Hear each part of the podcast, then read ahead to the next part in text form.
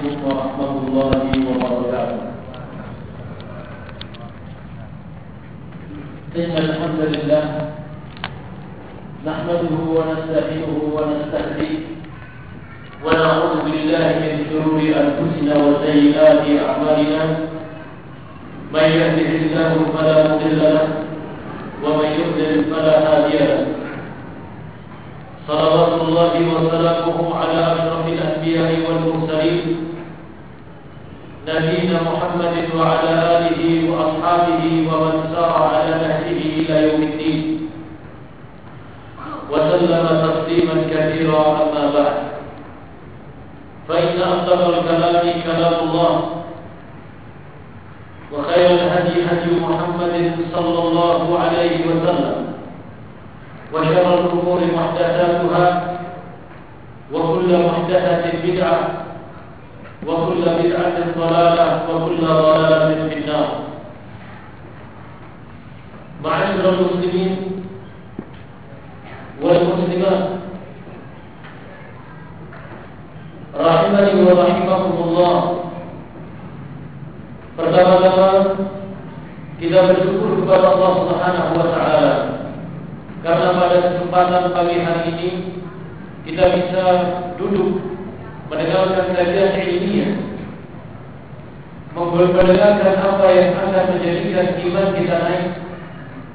Mendengarkan terhadap apa yang bisa meningkatkan ketakwaan kita di sisi Allah Subhanahu wa taala.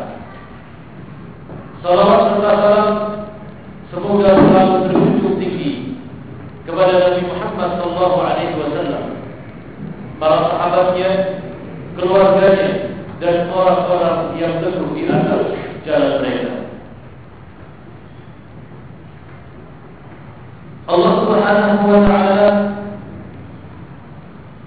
berfirman A'udzu billahi as-sami'il 'alim minasy syaithanir rajim يا أيها الذين آمنوا اتقوا الله حق تقاته ولا تموتن إلا وأنتم مسلمون Wahai orang-orang yang beriman, bertakwalah kalian kepada Allah Subhanahu wa taala dengan sebenar-benar takwa kepadanya dan janganlah kalian meninggal dunia kecuali dalam keadaan Islam. Dalam keadaan memegang dan berpegang teguh di atas dinul Islam agama Allah Subhanahu wa taala yang kita cintai.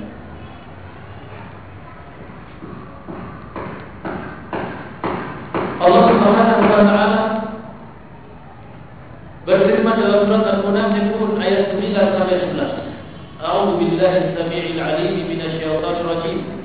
Ya ayyuhalladzina amanu la tulhikum amwalukum wa la auladukum an dzikrillah ومن يفعل ذلك فأولئك هم الخاسرون orang-orang yang beriman Jangan pernah harta dan anak kalian Memperdaya kalian Menipu kalian dari zikir mengingat Allah Subhanahu wa taala. Maka barang siapa yang melakukan ini semua Allah Subhanahu wa taala masukkan dia termasuk golongan hamba-hamba Allah Subhanahu wa taala yang Wa anfiqu mimma razaqnakum. Berikanlah dari rezeki yang Allah Subhanahu wa taala berikan atas kalian. Sedekahkanlah terhadap rezeki yang Allah Subhanahu wa taala berikan atas kalian. Min qabli an ya'tiya ahadakumul maut sebelum datang kepada kalian kematian. Wa yaqulu rabbi laula akhartani ila ajalin qarib Kemudian orang tadi berkata, Ya Allah, laula akhartani ila ajalin qarib. Kalau engkau akhirkan waktu hidupku pada masa berikutnya, sehingga aku bisa menjadi orang yang bersedekah, sehingga aku menjadi orang-orang yang saleh. Kemudian Allah Subhanahu wa taala menjawab, "Wa la yu'akhirullahu nafsan idza jaa ajalha." Tidak akan Allah Subhanahu wa taala mengakhirkan kematian apabila Allah Subhanahu wa taala putuskan kepada mereka. Wallahu khabirun bima ta'malun dan Allah Subhanahu wa taala khabir maha memberitahukan terhadap apa-apa yang kalian lakukan. Ma'asyiral muslimin wal muslimat yang dimuliakan dari rahmati Allah Subhanahu wa taala.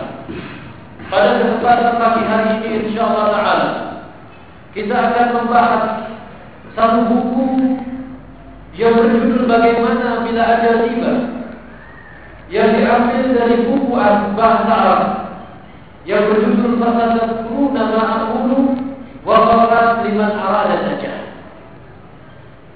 Bagaimana bila ajal tidak tiba? Satu buku kebenaran kepada diri seseorang akan kematian. Dan buku ini merupakan salah satu pembahasan yang membina keimanan seseorang semakin kuat kepada Allah Subhanahu wa taala. Semakin sadar akan perintah Allah Subhanahu wa taala. Semakin peduli terhadap yang apa yang pernah Allah Subhanahu wa taala perintahkan kepada mereka. Buku yang di sini ini berisikan ayat-ayat Allah Subhanahu wa taala dan juga hadis Rasulullah sallallahu alaihi wasallam yang menceritakan tentang perjalanan seseorang di alam akhirat yang pertama tentang perjalanan seseorang ketika ajal menjemputnya. Masyarakat muslimin wal muslimat. Pembahasan seperti ini adalah satu pembahasan yang seharusnya kita perbanyak agar keimanan kita, kualitas keimanan kita terus bertambah kepada Allah Subhanahu wa taala.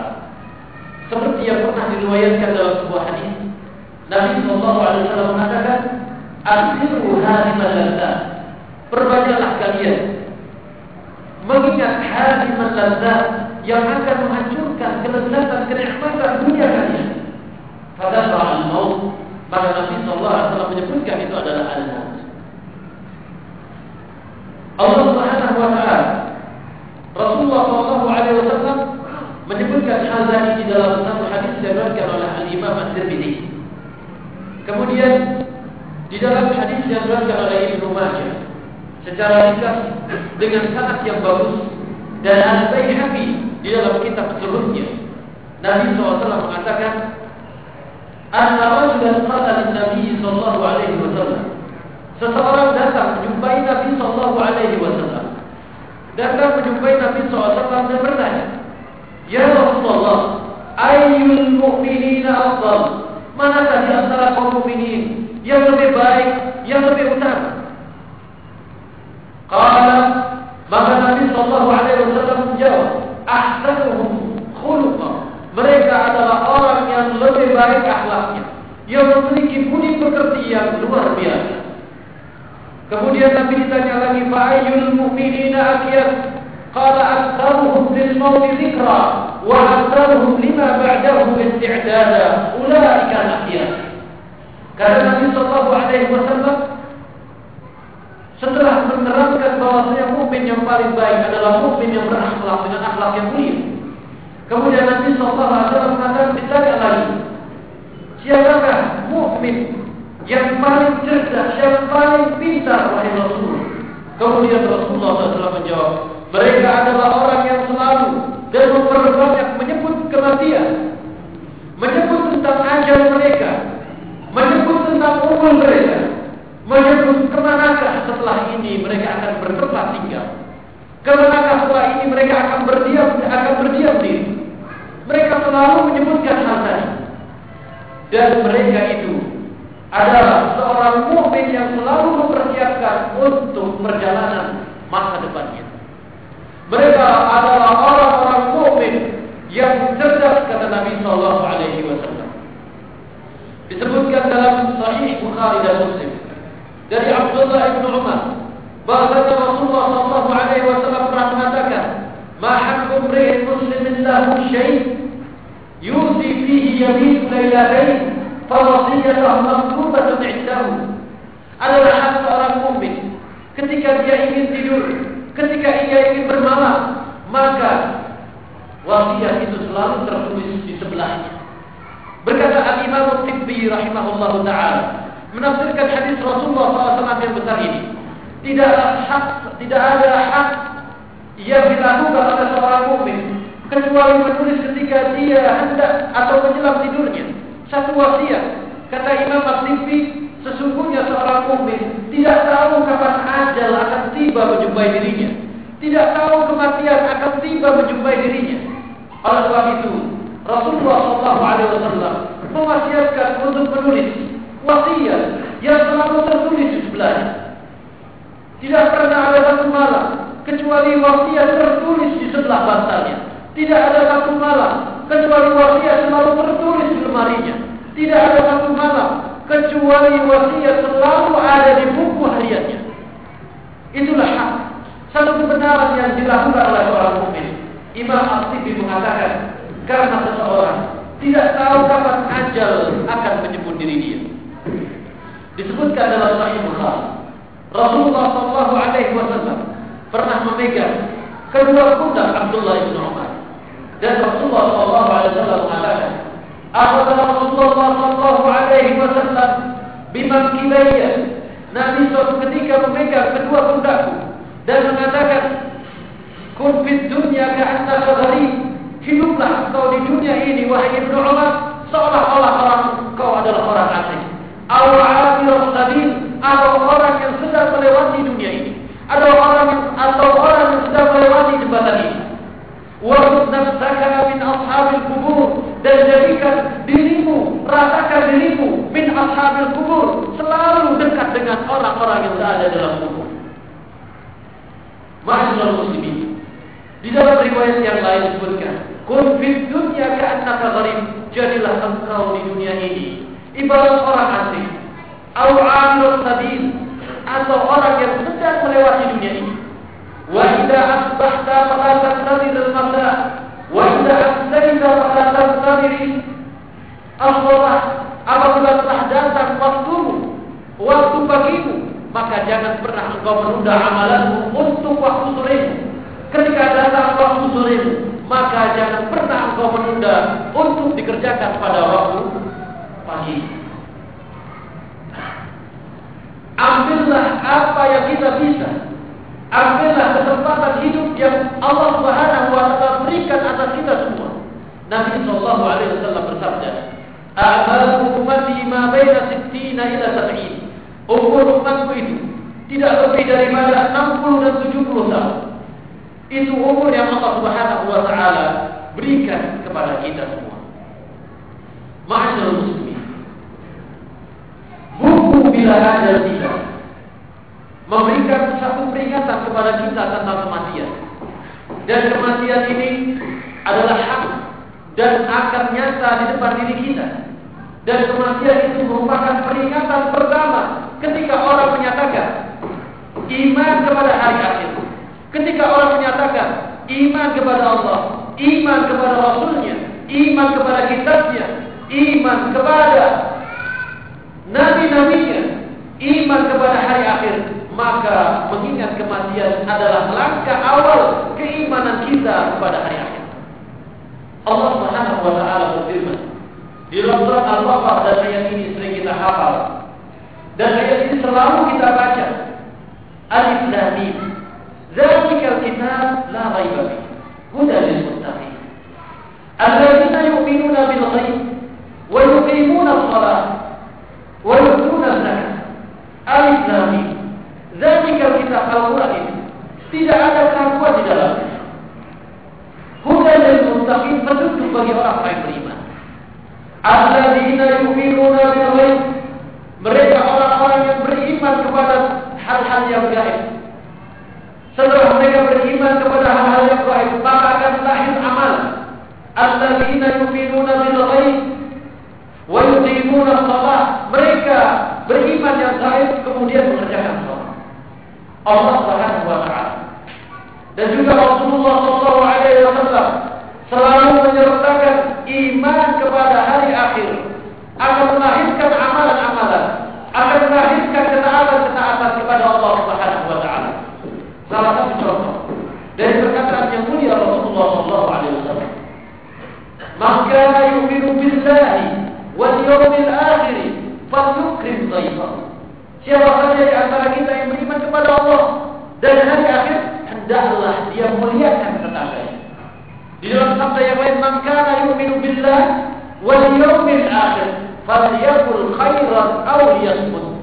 Siapa saja yang beriman kepada Allah dan kepada hari akhir, hendaklah dia berkata benar, berkata jujur atau dia. Perhatikan dari ayat-ayat yang saya baca tadi dan juga hadis Rasulullah SAW, iman kepada Allah, iman kepada hari akhir akan menjadikan orang tadi beramal kepada Allah, akan menjadikan iman yang terbina kepada Allah Subhanahu wa taala. Oleh sebab itu, pembahasan kita pada pagi hari ini adalah pembahasan tentang pembinaan iman. Bagaimana iman kita kuat, bagaimana iman kita bisa menjadi teguh, bagaimana iman kita bisa naik kepada Allah Subhanahu wa taala? Sehingga kita menjadi seorang yang pernah dikatakan oleh Imam Ahmad rahimahullah taala yazidu imanul mu'min. Keimanan seorang mukmin itu akan naik naik naik terus kepada Allah. Hatta balagha sab'a samawat. Sehingga keimanan dia akan tembus langit yang tujuh. Perkataan dia didengar oleh Allah Subhanahu wa taala. Doa dia selalu diijabahi oleh Allah Subhanahu wa taala. Ketika dia mengeluh kepada Allah maka dia akan ditolong oleh Allah Subhanahu wa taala. Ketika dia berdoa kepada Allah Subhanahu wa taala maka Allah Subhanahu wa taala akan kasih yang mereka minta. Wajatuhu imanul mu'min.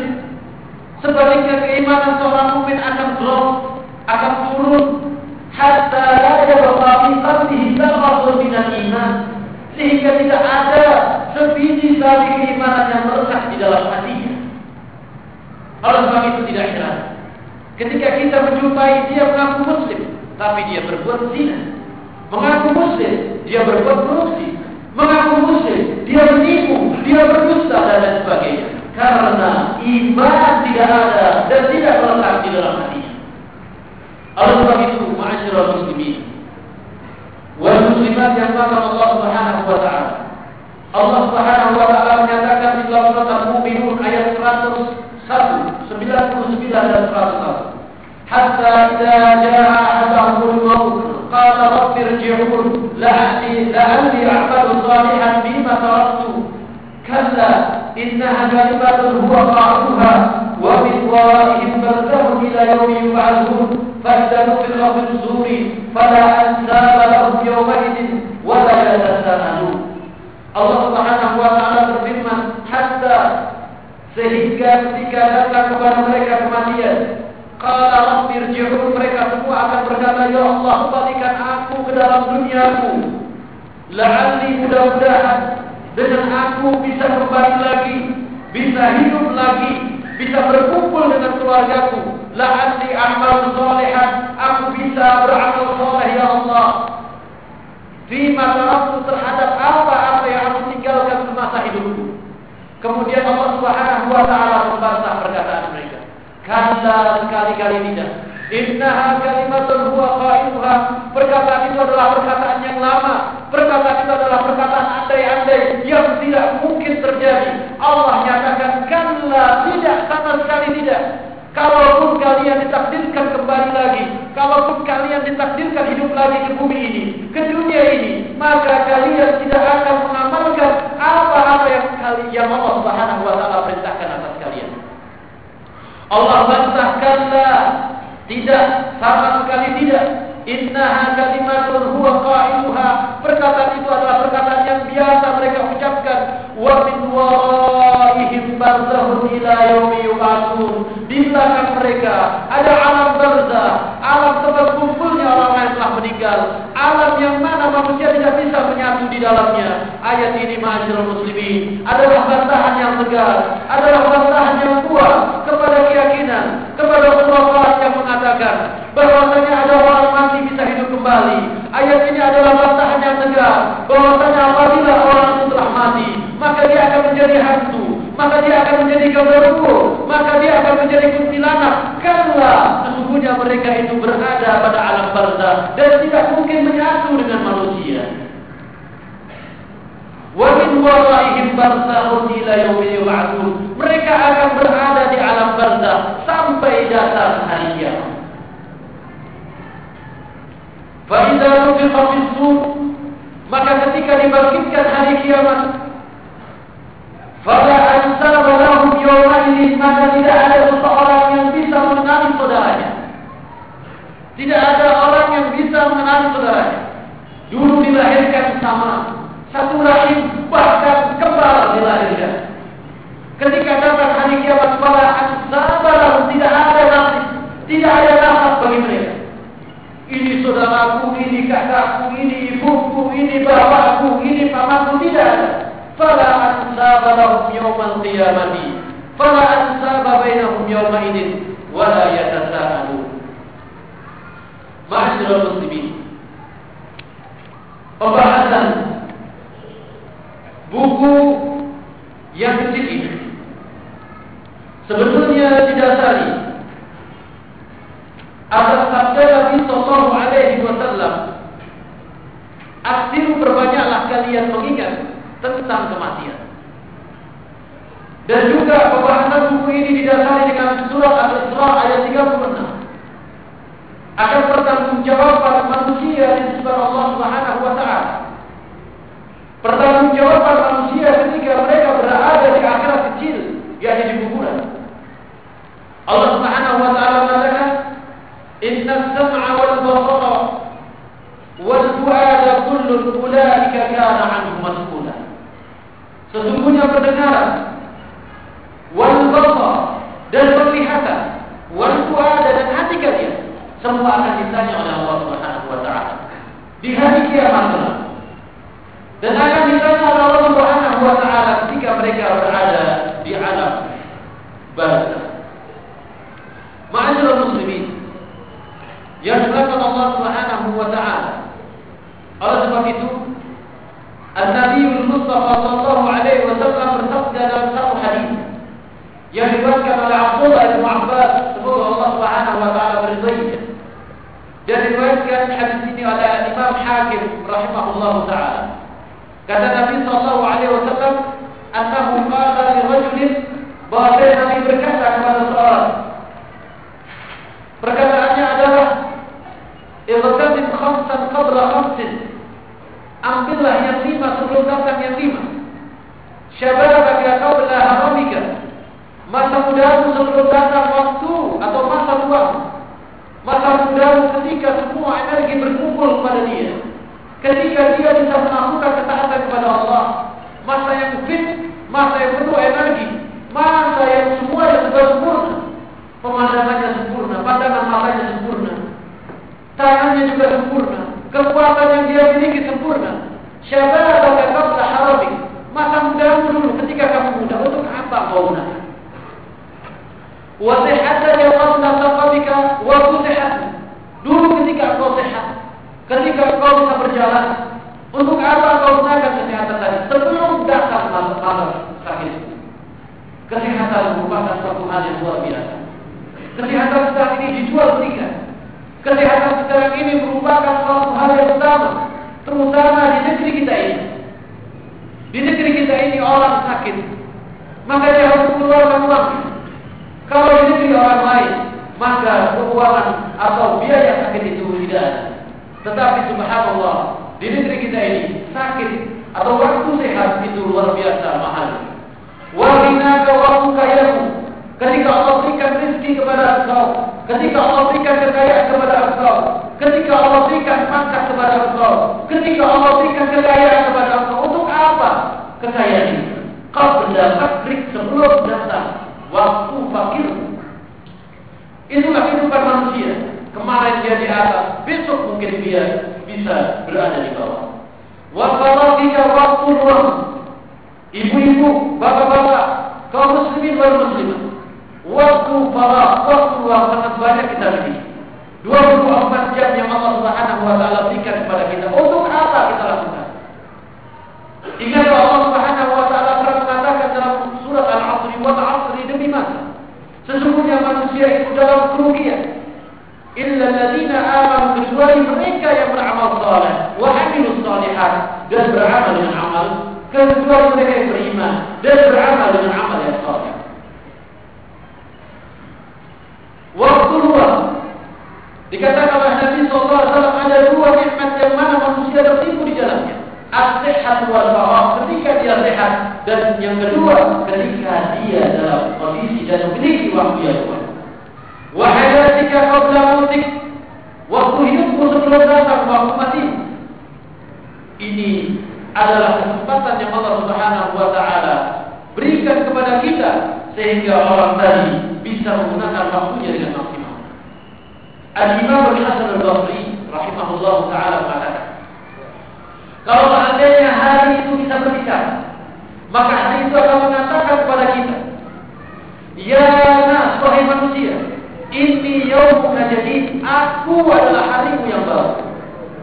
Wa idza gharabat asy apabila matahari sudah tergelam, fala fala arji'a ilaikum wa alqakum yawm qiyamah. Maka aku tidak akan kembali kepadamu sampai aku bertemu dengan kalian di hari kiamat.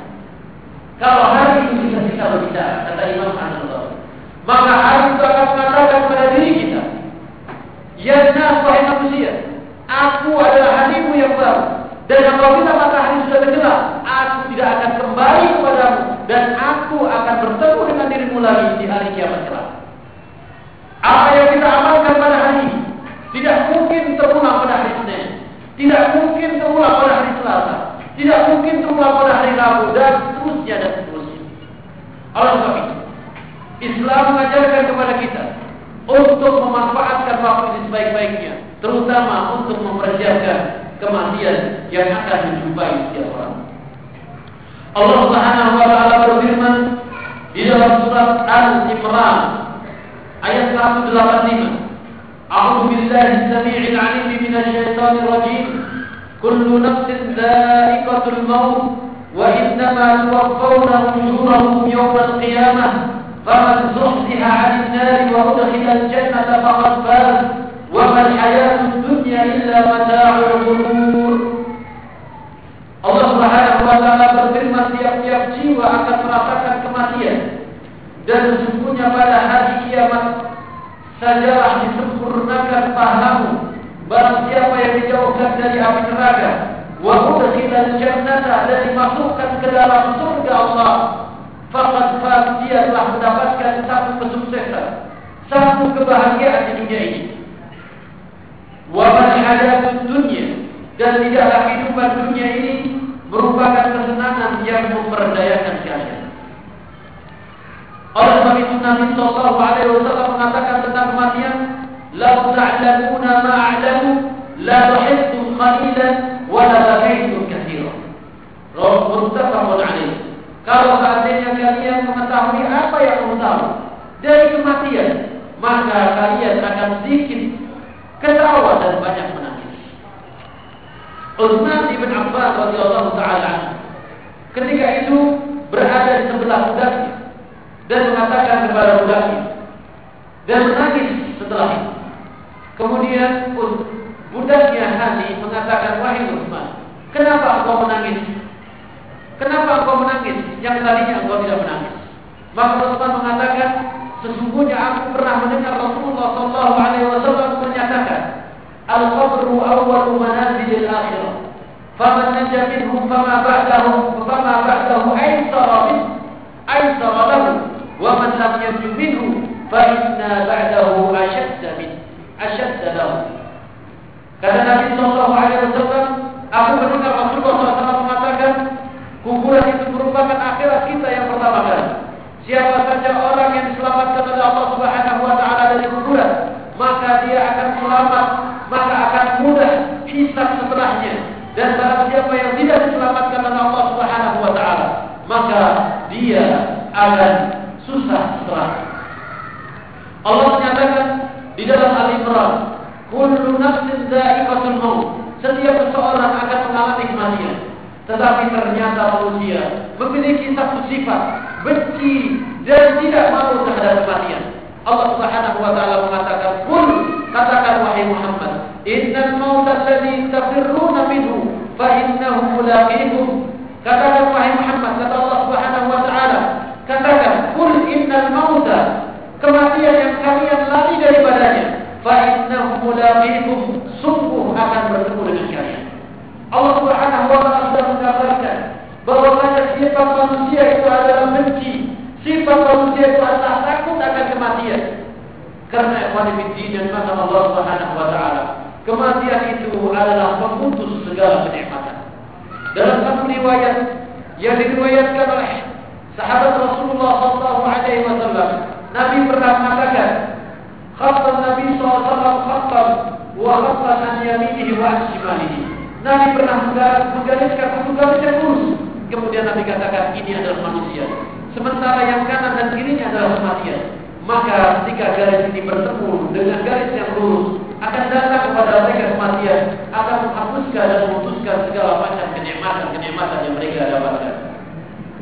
Ma'asyiral muslimin, benci kepada mati atau takut kepada mati merupakan penyakit hati yang mesti kita hilangkan.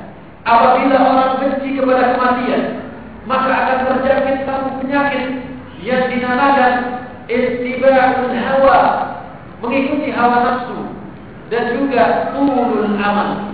Seperti perkataan Ali bin Abi Thalib, "Inna akhwafu akhwafu ma akhafu alaikum idnani tulul amal wa kasrat tulul amal wa tiba'ul hawa."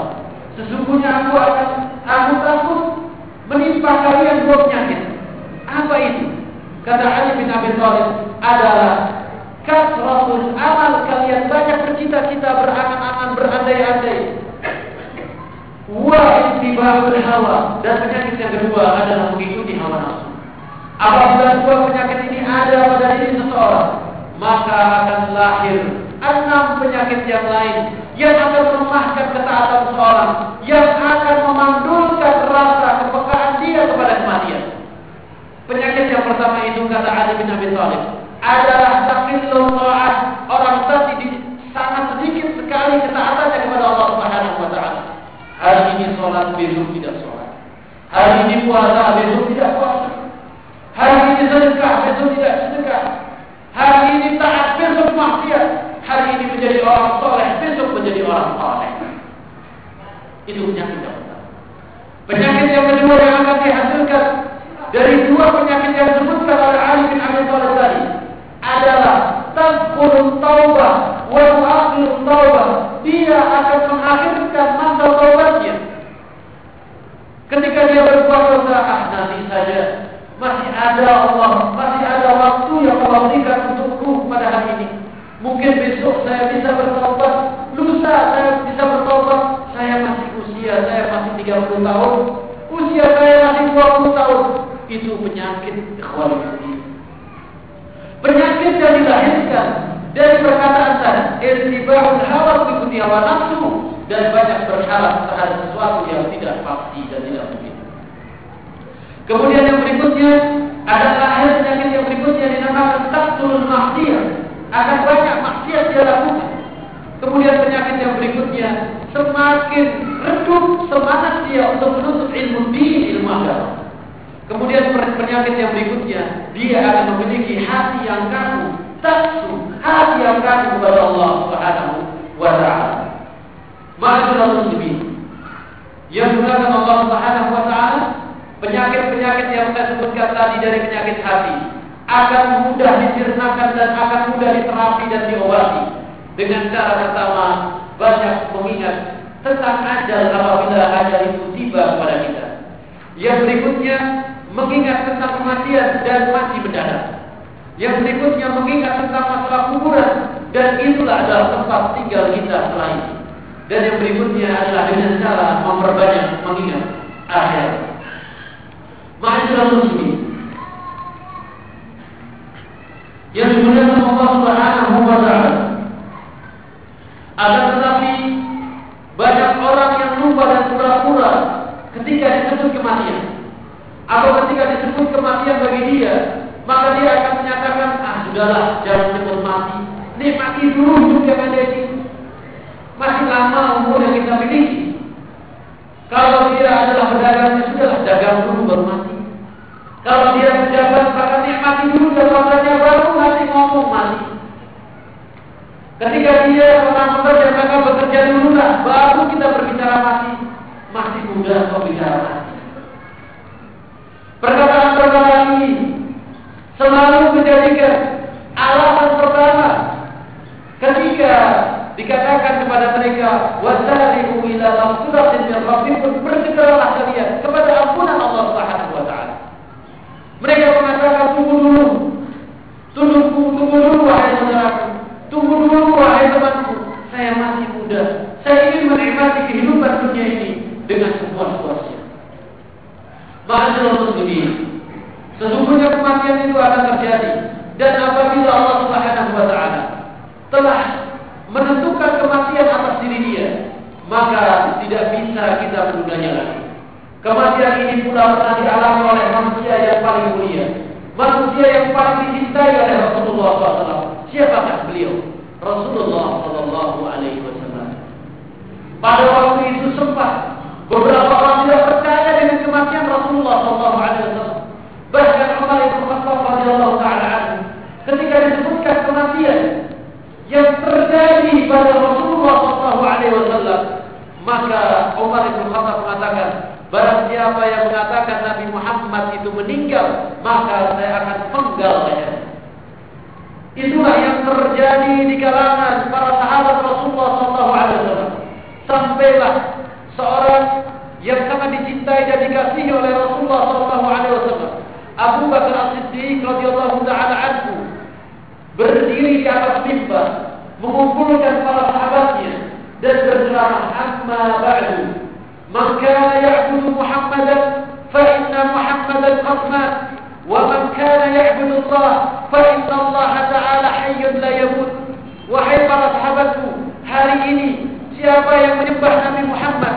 مكة نبي محمد رح منقل دنيا هاريني سيابا يمنبه الله. مكة الله حي لا يموت. الله مهيد لا تدمع Kemudian beliau membaca ayat Allah Subhanahu wa taala. "Wa ma Muhammadun illa rasul." قد خلت من قبله الرسل أفإن مات أو قتل انقلبتم على أعقابكم ومن ينقلب على عقبيه فلن يضر الله شيئا Muhammad itu adalah seorang Rasul. Telah datang Rasul-Rasul sebelum dia. Apa in mata? Apabila Nabi Muhammad itu meninggal dunia. Au kutila atau tak terbunuh. Inqalabtum ala aqabikum kalian akan berpaling dari kaki-kaki kalian. Wa may yanqalib siapa saja di antara kalian yang berpaling daripada kaki-kaki mereka, murtad daripada ajaran Allah, tidak mau menjalankan agama Islam ini, tidak mau mendirikan syariat Islam ini, fala yadurullah syai'a. Allah tidak akan rugi selama-lamanya.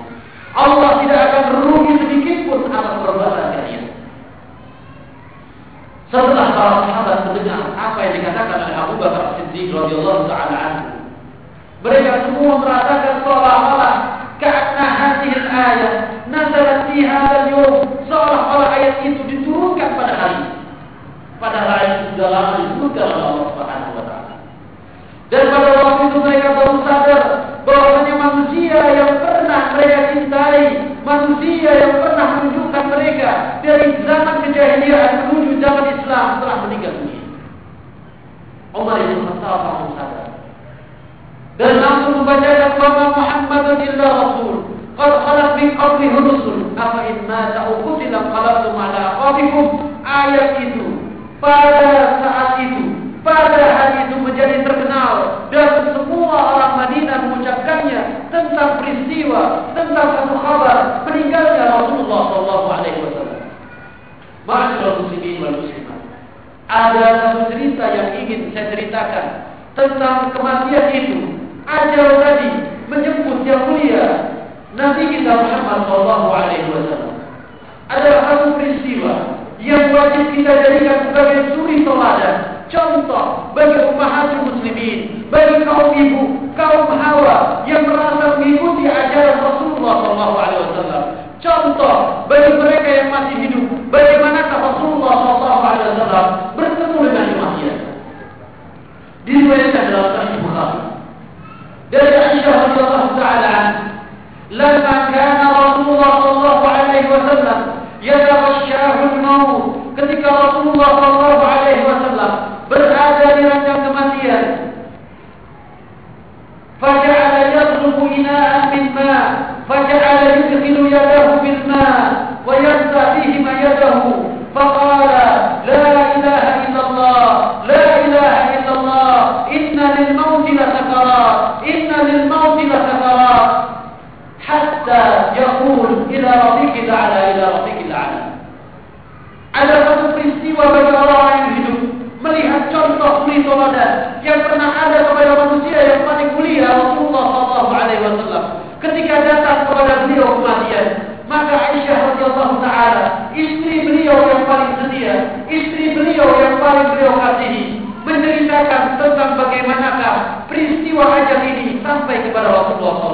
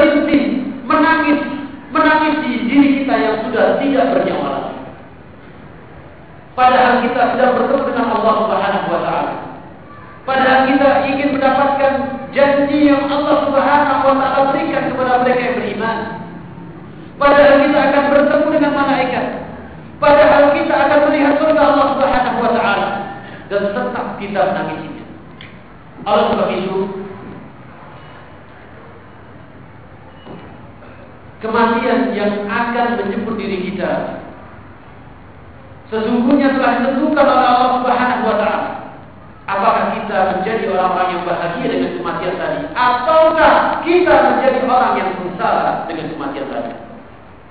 Allah Subhanahu wa taala berfirman, "Wa taj'aluna rizqakum annakum tukadzibun." Allah telah menjadikan rizki kepada kalian. Kenapa kalian ingkari rezeki tadi? Allah Subhanahu wa taala telah menjadikan rizki bagi kalian. Kenapa kalian ingkari rezeki tadi? Dalam sebuah riwayat, dalam sebuah riwayat dan riwayat ini dikuatkan dengan beberapa riwayat-riwayat yang lain. Bahwasanya Allah Subhanahu wa taala ketika mengutus malaikat untuk mencabut roh orang tadi, maka malaikat tadi mengatakan, "Wahai manusia, kenapa kalian menangis? Apakah dengan aku mencabut roh saudaramu tadi, aku mengambil rezeki kalian?" Apakah dengan aku memanggil roh orang tadi, aku menggolimi? Orang tadi kata malaikat tadi? Tidak. Sesungguhnya ajal Allah apabila datang menjumpai kalian, maka ajal itu tidak akan diakhirkan. Wajahnya rizqakum Allah jadikan rezeki bagi kalian akan tapi kalian mengingkarinya. Falaula idza balaghatil hulqum wa antum hina idin tanzurun wa nahnu aqrabu ilayhi minkum walakin. Kamu mengganti rezeki Allah yang Allah berikan atas kalian dan kamu mendustakannya. Mengapa ketika nyawa sampai kepada kerongkongan mereka, padahal kamu tahu dan melihatnya, dan kami lebih dekat dari orang tadi daripada kalian. Kenapa kalian tidak pernah sadar dengan kejadian ini? Kenapa kalian tidak membuka mata kalian? Kenapa kalian tidak melihat ketika kami sudah dekat di atas kepala mereka? Dan dekat dengan kerongkongan mereka, kalian tidak pernah mengingat tentang masalah kematian. Ma'asyiral muslimin wal muslimat yang dimuliakan Allah Subhanahu wa taala. Sesungguhnya perjalanan ditariknya roh seseorang oleh Allah Subhanahu wa taala telah dijelaskan oleh Allah Subhanahu wa taala di dalam hadis-hadis yang sahih. Bagaimanakah perjalanan roh tadi? Apabila roh tadi adalah nafsu thayyibah, adalah jiwa yang tenang, maka roh tadi akan keluar dari tubuhnya, akan dicabut oleh malaikat seperti air yang keluar dari ceret. Tetapi kalau roh tadi adalah nafsu khabisah, jiwa yang jelek, maka keluarnya akan susah dan akan mengalami kepedihan-kepedihan. Min dzalik. Ma'asyiral muslimin, kejadian yang pernah dialami oleh manusia yang paling sempurna Rasulullah Shallallahu Alaihi Wasallam tentang Inna lil mauti la diterangkan pula dalam Sahih Bukhari yang diriwayatkan oleh anak beliau Fatimah radhiyallahu taala anha. Pada waktu itu Fatimah radhiyallahu taala anha mendampingi Rasulullah SAW ayahandanya ketika berada pada. Kemudian Fatimah mengatakan, Ya abada, la karba ba'da yaum. Tidak ada kepedihan setelah hari. Setelah itu Rasulullah SAW dipanggil oleh Allah Subhanahu wa taala menghadap Allah Subhanahu wa taala. Ma'asyiral muslimin. Rasulullah sallallahu alaihi wasallam mengucapkan inna lil mauti la safar. Kematian itu memiliki satu kondisi yang amat berat, sakaratul maut. Perkataan Rasulullah sallallahu alaihi wasallam ini adalah hak dan benar. Kematian memiliki sakar. Kematian memiliki satu peristiwa yang akan mengguncangkan seorang, yang akan menyakitkan seorang. Sehingga pada waktu itu, Ka'ab pernah ditanya oleh Umar bin Khattab radhiyallahu taala an. Ka'ab pernah ditanya oleh Umar bin Khattab radhiyallahu taala an. Dan Umar berkata kepada Ka'ab, "Ya Ka'ab, hadithna 'anil maut." Wahai Ka'ab, Beritahukan, ceritakan kepadaku tentang kematian yang pernah engkau dapatkan dari Rasulullah Sallallahu Alaihi Wasallam. Kemudian Ka'ab mengatakan, Naam ya Amirul Mukminin, baik wahai Amirul Mukminin. Kemudian Ka'ab menceritakan tentang kondisi ajal apabila tiba sakaratul maut berjumpa dengan diri dia. Ka'ab mengatakan, Huwa katusnin kathir syaw, udhila fi jawfi rajulin فأخذ كل شوكة بعرق ثم جلبه رجل شديد الجلب فأخذ ما أخذ وهبط مع البصر kata Ka'ab wahai Amirul Mukminin kalau engkau ingin tahu tentang kematian maka aku akan ceritakan tentang kematian tadi kematian itu adalah ibarat tangkai yang berisikan duri di sebelah kanan dan di sebelah kirinya duri yang sangat kuat duri yang sangat tajam kemudian tangkai tadi dimasukkan ke dalam mulut seseorang, dimasukkan ke dalam mulut seseorang, kemudian ditarik dengan kuat. Itulah rasa sakaratul maut yang akan dialami oleh seseorang ketika ajal tiba menjemput dia.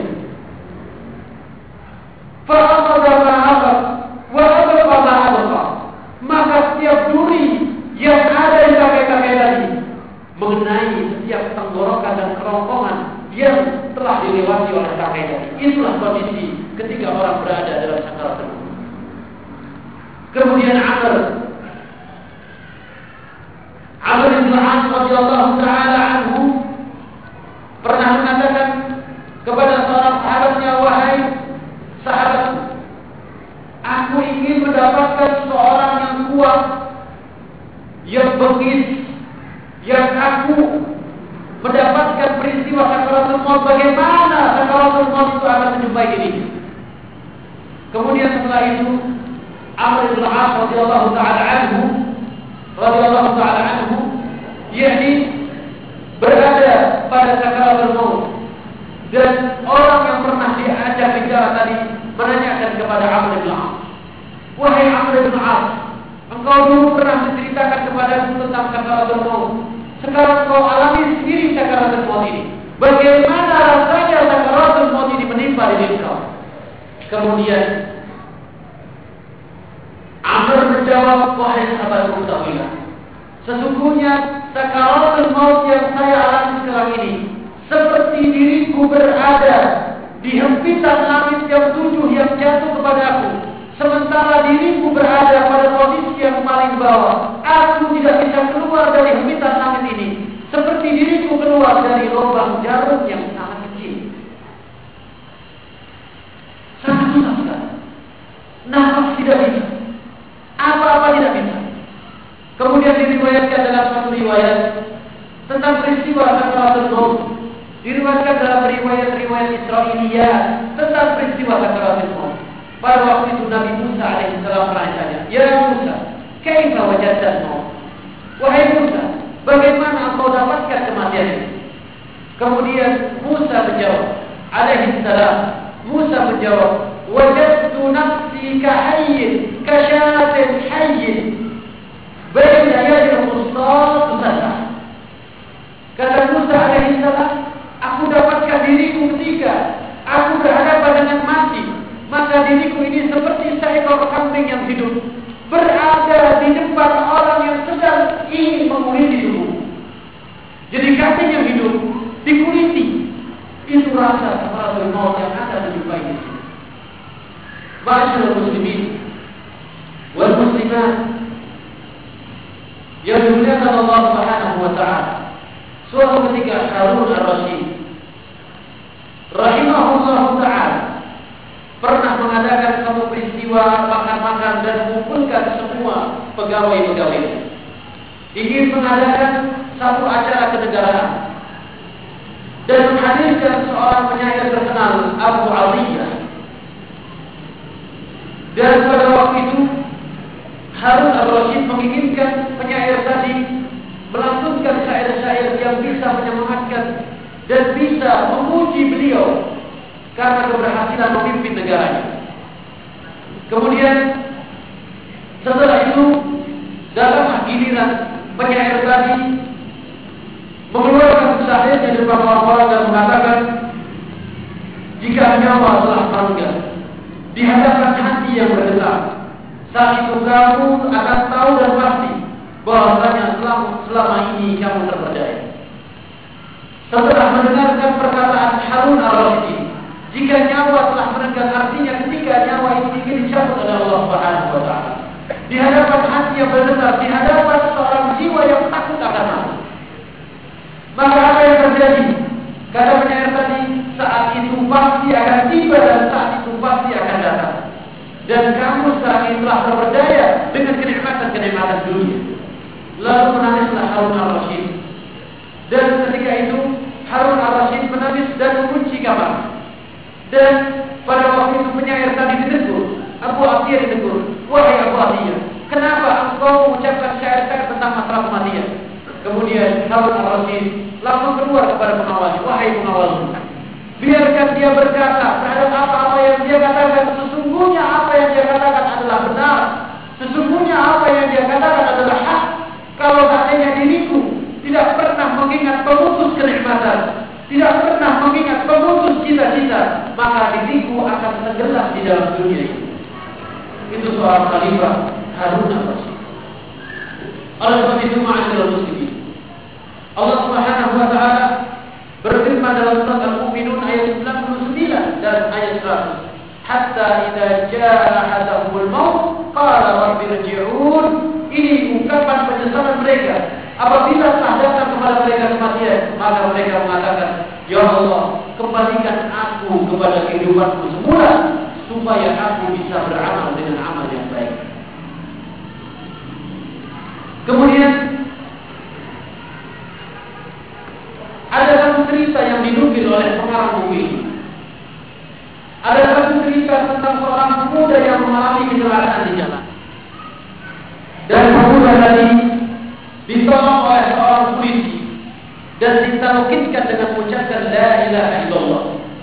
Kemudian pemuda tadi menunjukkan jarinya ke langit dan mengucapkan la ilaha illallah. Dan orang tadi atau pemuda tadi meninggal dunia dalam keadaan mengucapkan la ilaha illallah. Setelah itu polisi yang menyelamatkan pemuda tadi akibat kecelakaan dan tabrakan yang mereka yang beliau alami, maka polisi tadi datang ke orang tua dan bertanya kepada orang tua, sesungguhnya anakmu telah mengucapkan syahadat la ilaha illallah, la ilaha illallah di akhir hayatnya. Kemudian orang tuanya mengatakan, sesungguhnya anak saya tadi baru bertobat kepada Allah Subhanahu wa taala sekitar dua minggu yang lalu. Kemudian pengarang buku tadi membawakan ayat Allah Subhanahu wa taala, "Innamat taubatu على الله على الله للذين يعملون السوء بجهالة ثم يتوبون من قريب فأولئك يتوب الله عليهم وكان الله عليما حكيما. وليس من توبة للذين يعملون السيئات حتى إذا حضر أحدهم الموت فقال قال إني تبت الآن. Sesungguhnya taubat itu Sesungguhnya taubat di sisi Allah Subhanahu wa taala bagi orang-orang yang mengerjakan dosa kejelekan bijahalatin dengan sebab dia tidak tahu. Tsumma yatubuna min qarib.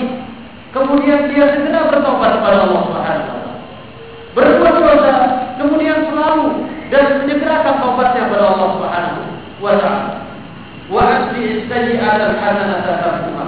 Faulai kata Allah Subhanahu wa taala, mereka itu orang yang akan diberikan taubatnya oleh Allah Subhanahu wa taala. Wa kana Allah dan Allah Subhanahu wa taala Maha mengetahui dan Maha bijaksana. Dan taubat itu tidak akan diterima oleh Allah Subhanahu wa taala lilladzina ya'maluna as-sayyi'at sementara mereka berbuat kejelekan dan dosa hatta idza hadara ahaduhum maut dan ketika mati mendatangi diri dia dia belum sempat bertobat kepada Allah dan mengatakan ini itu betul hadis ini ayat surat An-Nisa ayat 17 dan 18 ini sangat berhubungan sekali dengan sabda Nabi sallallahu alaihi wasallam inna Allah yaqbalu taubat 'abdin ma lam yughargir Allah Subhanahu wa taala mengampuni taubat seorang hamba selama nyawa dia belum berada di dalam tenggorokan dan kerongkongan mereka. Bayangkan ikhwan binti dan mana Allah Subhanahu wa taala. Ketika kita berada di atas pundak orang lain dengan menggunakan kain kapan yang putih. Dan semua orang mengatakan cepat, cepat, cepat, cepat. Dan itu merupakan sunnah yang pernah diajarkan oleh Rasulullah SAW dengan mempercepat menguburkan jenazah. Seperti yang pernah dilakukan oleh Rasulullah SAW kepada para sahabat. Sehingga Rasulullah SAW tidak pernah memerintahkan para sahabatnya untuk mengubur orang-orang yang gugur di beberapa kutub dibagi pada negara mereka sangat dekat. Ketika terjadi beberapa kutub telah gugur di sana 70 orang sahabat Rasulullah Wasallam. Rasulullah SAW tidak perintahkan keluarganya untuk memindahkan jenazah-jenazah mereka ke bagi.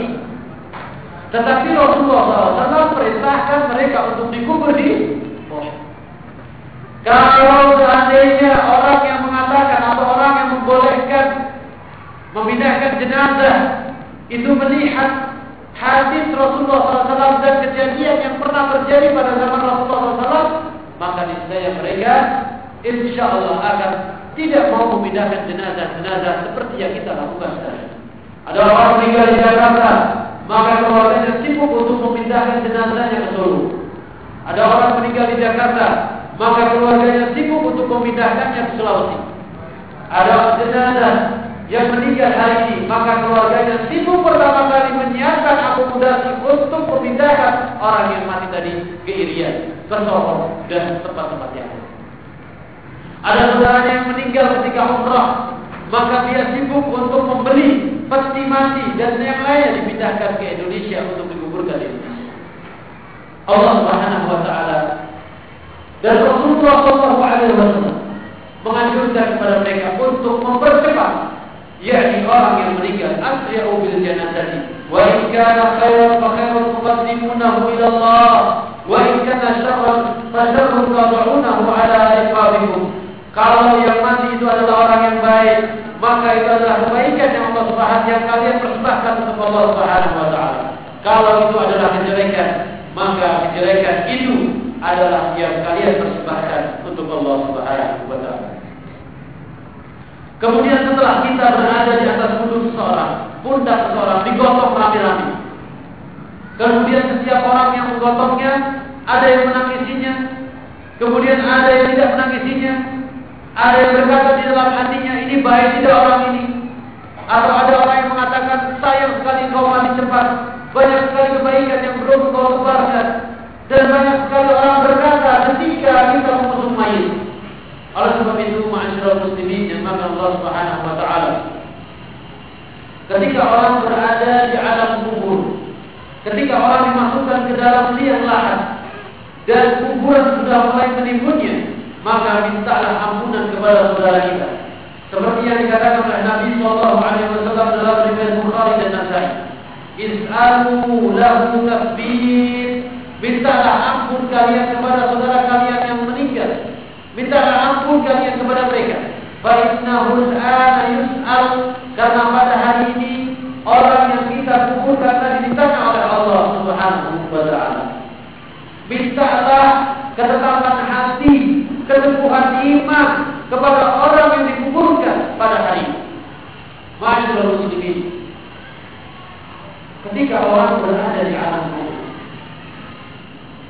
maka dia akan mendapatkan satu kejadian-kejadian seperti yang dikabarkan oleh Nabi Shallallahu Alaihi Wasallam dan kejadian-kejadian ini berupa azab dan nikmat kubur keyakinan ahlu sunnah wal jamaah tentang apakah ada kubur itu ada atau tidak. Maka mereka semua mengatakan bahwasanya ulama ahlu sunnah wal jamaah sepakat bahwasanya azab dan nikmat kubur itu ada. Akan tetapi azab dan nikmat kubur ini yang berbeda-beda atas setiap seseorang. Azab dan nikmat kubur itu adalah ada. Azab dan nikmat kubur itu adalah ada. Dan itu merupakan kesepakatan ulama ahli sunnah wal jamaah akan tetapi mereka berselisih apakah azab dan nikmat kubur ini akan diberikan oleh Allah Subhanahu wa taala untuk jasad dan rohnya sekaligus. Pendapat yang pertama bahwasanya azab dan nikmat kubur itu hanya ada pada rohnya saja tanpa jasad. Itu pendapat yang pertama. Pendapat yang kedua yang mengatakan bahwasanya azab dan nikmat kubur itu akan ditimpakan, akan dialami oleh seorang untuk jasadnya dan rohnya sekaligus. Di dalam permasalahan ini, para ulama berselisih pendapat. Tetapi yang rajih, yang benar, yang rajih dan yang benar adalah pendapat yang pertama, pendapat yang kedua yang menyatakan bahwasanya azab dan nikmat kubur tadi berlaku untuk jasad dan rohnya sekaligus. Pendapat ini adalah pendapat yang dikuatkan oleh mayoritas ulama ahli sunnah wal jamaah dan termasuk imam yang paling banyak membicarakan masalah ini adalah Imam At-Tahawi di dalam kitabnya Syarh Al-Aqidah At-Tahawiyah atau dalam kitab kitab kitab As-Sahawi, Aqidah As-Sahawi. Tetapi di sini memang Allah Subhanahu wa taala dalil yang menyatakan bahwasanya azab dan nikmat kubur itu adalah hak dan nyata. Ghafir ayat 46. Ghafir ayat 46. Allah Subhanahu wa taala berfirman, "An-naru api neraka yu'raduna akan ditampakkan kepada mereka wuduhan wa 'ashiyya pada siang hari dan pada sore hari wa yawma taqumu as dan ketika datang hari kiamat adkhilu ala fir'aun masukkan keluarga Fir'aun kepada azab yang paling pedih di sini dalam surat Ghafir ayat 46 Allah menyatakan an-naru neraka disampaikan kepada dia ketika pada waktu pagi dan waktu sore. Ini menunjukkan bahwasanya orang yang berada di alam kubur itu mendapatkan nikmat dan azab kubur. Wa yawma ketika datang hari kiamat, maka masukkan semua pengikut Fir'aun ke dalam api neraka. Di dalam hadis Nabi sallallahu alaihi wasallam, Allah Subhanahu wa taala, yang pertama adalah hadis yang menceritakan tentang pertanyaan-pertanyaan orang yang Allah Subhanahu wa taala kirimkan malaikat untuk menanyai orang yang berada di alam kubur. Salah satunya adalah hadis Abu Hurairah radhiyallahu taala anhu yang diriwayatkan oleh Imam Tirmizi dan hadis ini adalah hadis hasan gharib dan hadis ini disahihkan oleh Ibnu Hibban dalam kitab sahih. Anna Rasulullah alaihi wasallam berkata, Idza kubira mayyit apabila itu dikuburkan aw atau salah seorang kalian dikuburkan Allahu malakani ada datang kepada dia dua malaikat Aswadani adraqa yang berwarna biru dan berwarna hitam dan namanya adalah Mukar dan Nakir. Kemudian malaikat tadi akan bertanya kepada tadi, Wahai bulan, apa yang engkau katakan tentang la ilaha illallah? Maka mereka mengatakan, aku bersaksi bahwa tidak ada sembahan Allah dan aku bersaksi bahwa Nabi Muhammad adalah utusan Allah. Apabila orang tadi bisa menjawab pertanyaan kubur yang demikian, maka Allah Subhanahu wa taala akan meluaskan kuburannya dan akan memberikan cahaya kuburan. Allah Subhanahu wa taala akan memberikan cahaya kepada kuburannya dan Allah Subhanahu wa taala akan memberikan keluasan di dalam kuburan. Ma'asyiral muslimin, inilah kondisi yang pertama yang dialami orang yang ada di dalam kubur sementara dia termasuk orang-orang yang beriman kepada Allah Subhanahu wa taala.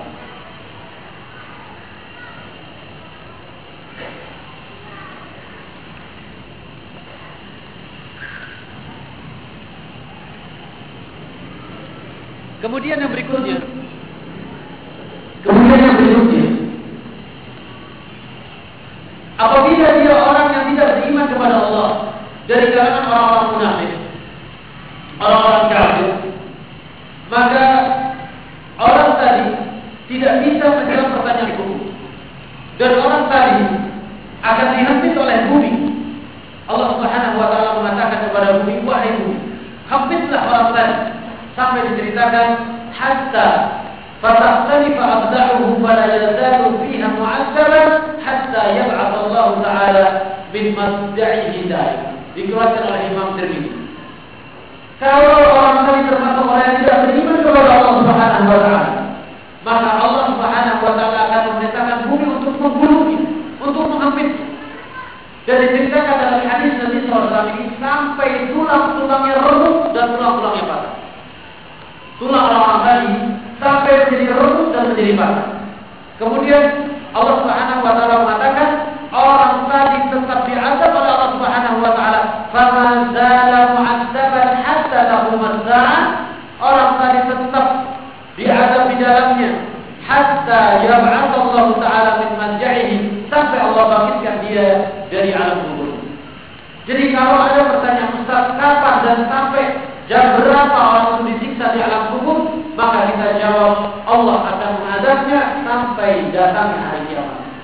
itu adalah azab yang pertama kali dari kehidupan akhirat kita. Dan azab yang ada di neraka nanti lebih pedih dan lebih syadid, lebih parah daripada azab yang ada di dunia. Kemudian dalam riwayat yang lain disebutkan, "Idza wudi'al 'abdu fi qabrihi apabila seorang itu diletakkan di atas kuburannya Letakkan di atas kuburannya artinya diletakkan di dalam yang lahatnya. Wa innahu la idza sarafu sehingga suara terompa mereka tanda mereka sudah tidak mulai lagi kedengaran ada malakat akan datang kedua malaikat kepada dia. Kata-kata Fiddin sampai tidak didengar suara terompa untuk keluarga tadi atau untuk mayat tadi bukan mengartikan kepada kita kalau ada orang mati maka ditungguin sampai tujuh hari tujuh malam. Ketika ditanya kenapa antum nungguin kuburan saudara antum supaya malaikatnya tidak datang. Supaya malaikatnya takut. Kemudian dibikin di sana teror, dibikin di sana lampu.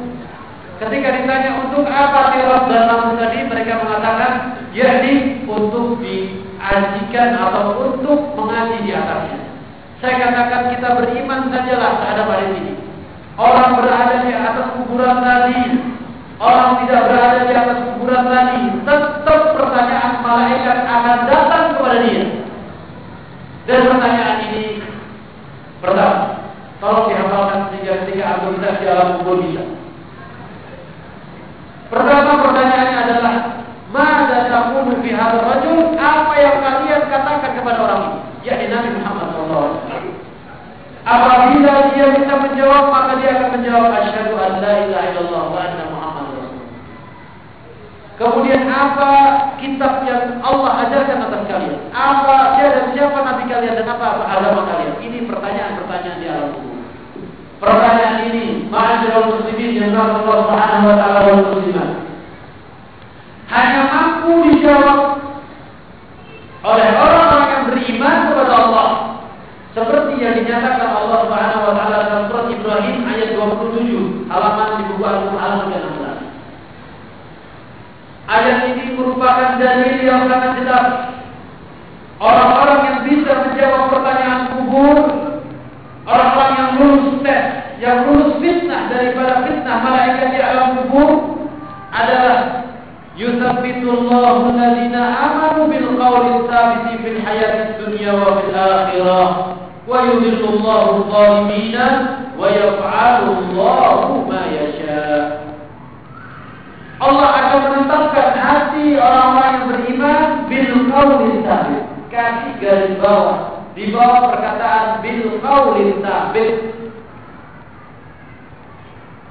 Apa maksudnya dikatakan oleh Allah Subhanahu wa taala Allah akan teguhkan orang-orang yang beriman dengan ucapan yang teguh di dalam kehidupan di dunia ini dan di akhirat. Penafsiran al-qaul sabit dengan perkataan yang teguh ditafsirkan oleh para ulama ahli tafsir. Mereka semua mengatakan bil qaul sabit di sini adalah tauhid dengan tauhid kepada Allah Subhanahu Bil qaul sabit dalam surat Ibrahim ayat 7 ayat 27 adalah sabit di sini dengan tauhid. Jadi orang yang bisa menjawab pertanyaan siapa Tuhan kamu, siapa Nabi kamu adalah orang yang tidak pernah berbuat syirik kepada Allah kalau dia pernah berbuat diri kepada Allah, tentunya dia tidak akan bisa menjawab pertanyaan Allah Subhanahu wa. Yang akan menjawab, yang akan bisa menjawab pertanyaan kubur adalah mereka yang beriman kepada Rasulullah Wasallam. Orang yang tidak beriman kepada Rasulullah SAW mereka tidak bisa menjawab pertanyaan-pertanyaan kubur. Yusabitullahu alladhina amanu bil qawli thabiti fil hayatid dunya wa bil akhirah.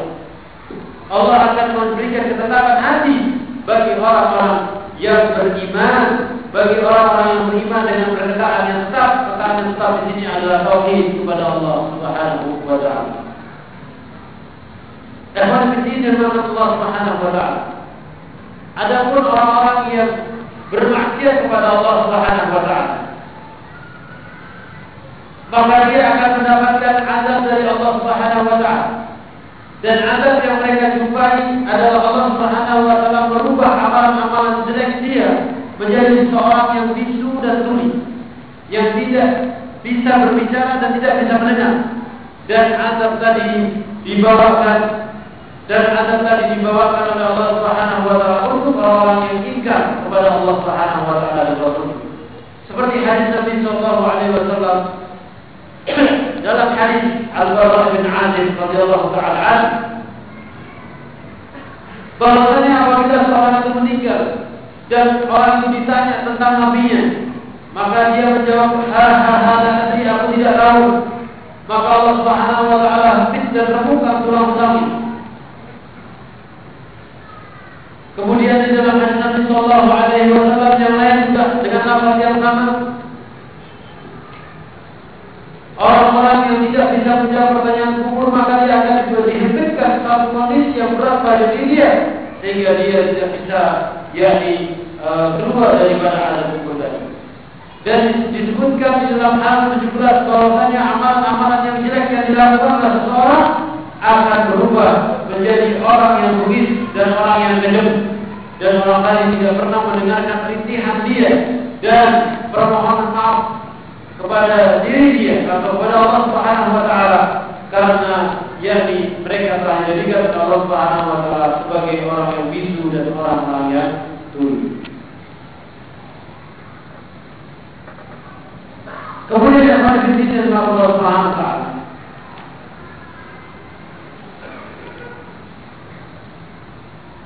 Allah Subhanahu wa taala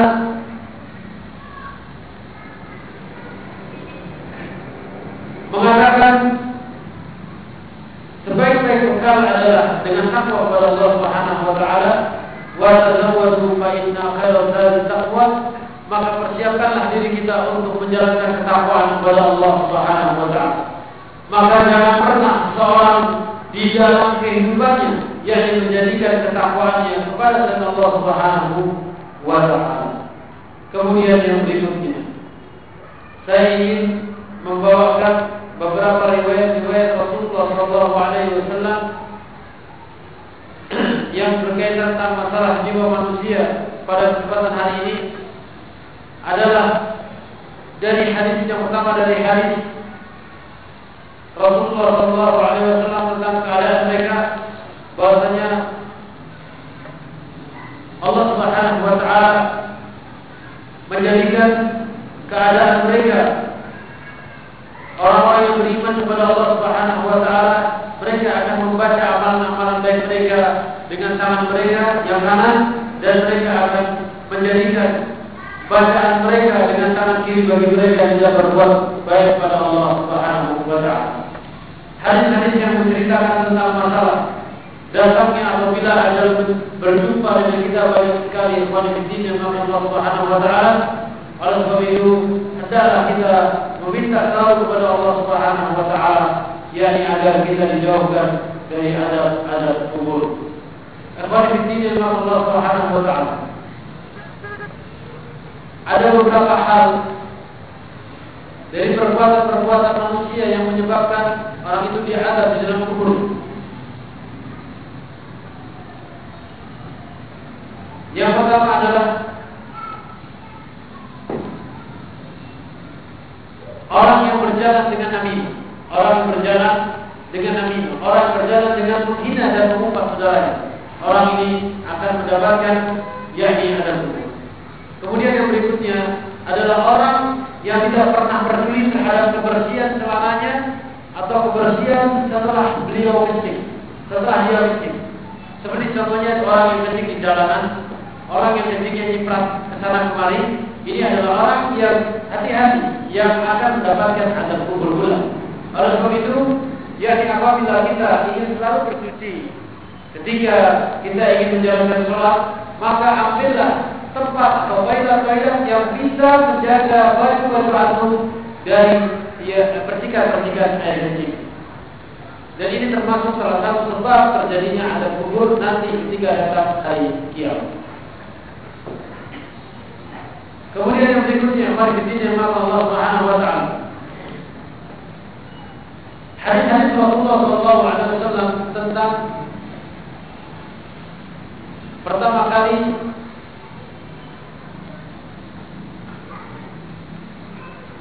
ditanyakannya pertanyaan-pertanyaan kubur salah satu hadis-hadis yang dibawakan oleh pengarang buku ini adalah hadis yang menceritakan tentang kuburan yang dirahmati oleh Allah Subhanahu wa taala adalah kuburan yang diberikan cahaya oleh Allah Subhanahu wa taala.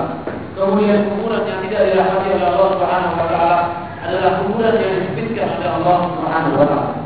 Disebutkan dalam hadis Nabi SAW yang lain bahwasanya Allah Subhanahu wa taala meluaskan kuburan bagi mereka yang dirahmati oleh Allah Subhanahu wa taala seluas 70 hasta kali 70 hasta. Itu luas kuburan. Kemudian yang lainnya orang-orang yang tidak diberikan rahmat oleh Allah Subhanahu wa taala dalam kuburan. Orang-orang yang tidak pernah diberikan rahmat oleh Allah Subhanahu wa taala dalam kuburan. Maka kuburannya akan digelapkan oleh Allah Subhanahu wa taala dan akan disempitkan oleh Allah Subhanahu wa taala. Dan kejadian itu terjadi sampai datangnya hari kiamat.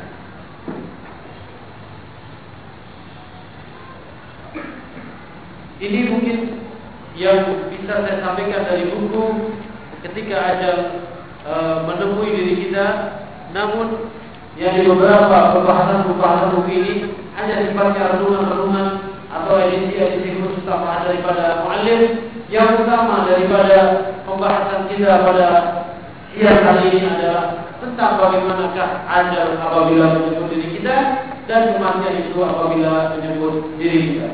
Untuk lebih jelasnya sesi sesi tabligh akbar yang kedua ini insyaallah taala kita akan membuka pertanyaan-pertanyaan yang mudah-mudahan dengan pertanyaan ini akan membuka hati kepada Allah dan akan merumuskan pandangan kita tentang adanya hari akhir atau alam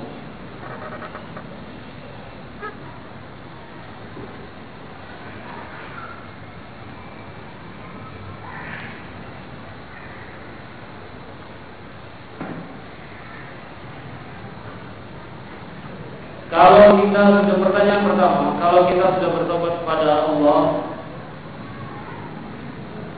apakah tobat kita diterima oleh Allah Subhanahu wa taala dan apa masih ada siksa di akhirat kelak? Allah Subhanahu wa taala berfirman wa tubu ila Allah jami'an ayyuhal mu'minun dan bertobatlah kalian semua wahai orang-orang mukmin kepada Allah Subhanahu wa taala. Allah Subhanahu wa taala menjadikan pintu taubat kepada kita semua sebelum nyawa itu berada di tenggorokan atau kerongkongan kita. Dan ciri-ciri taubat itu diterima oleh Allah Subhanahu wa taala adalah taubat yang memiliki tiga syarat. Pertama adalah taubat seseorang yang menyatakan bahwa tadi perbuatan dia adalah dosa dan diakui perbuatan tadi adalah dosa. Syarat yang kedua adalah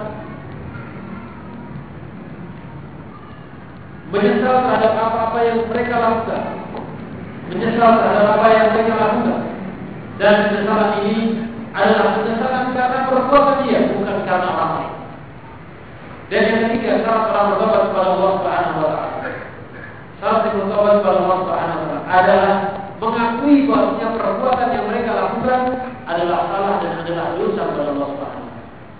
Dan syarat yang berikutnya ditambah oleh para imam, para imam apabila tobatnya ini berkaitan berkenaan bersangkutan dengan orang lain maka sangkutannya harus dibereskan kemudian yang berikutnya ditambahkan oleh Syekh Muhammad bin Shalih al dengan cara apa? dengan cara bertobat dengan ikhlas kepada Allah Subhanahu wa taala. Apabila dia sudah bertobat dengan ikhlas kepada Allah Subhanahu wa taala, maka insyaallah tobatnya akan diterima oleh Allah Subhanahu wa taala. Kalau kita mau ngaji seperti pengajian ini, tapi suami kita kurang berkenan, apakah yang harus kita, apakah harus kita mentaati untuk tidak pergi padahal sholat mimpi itu adalah wajib.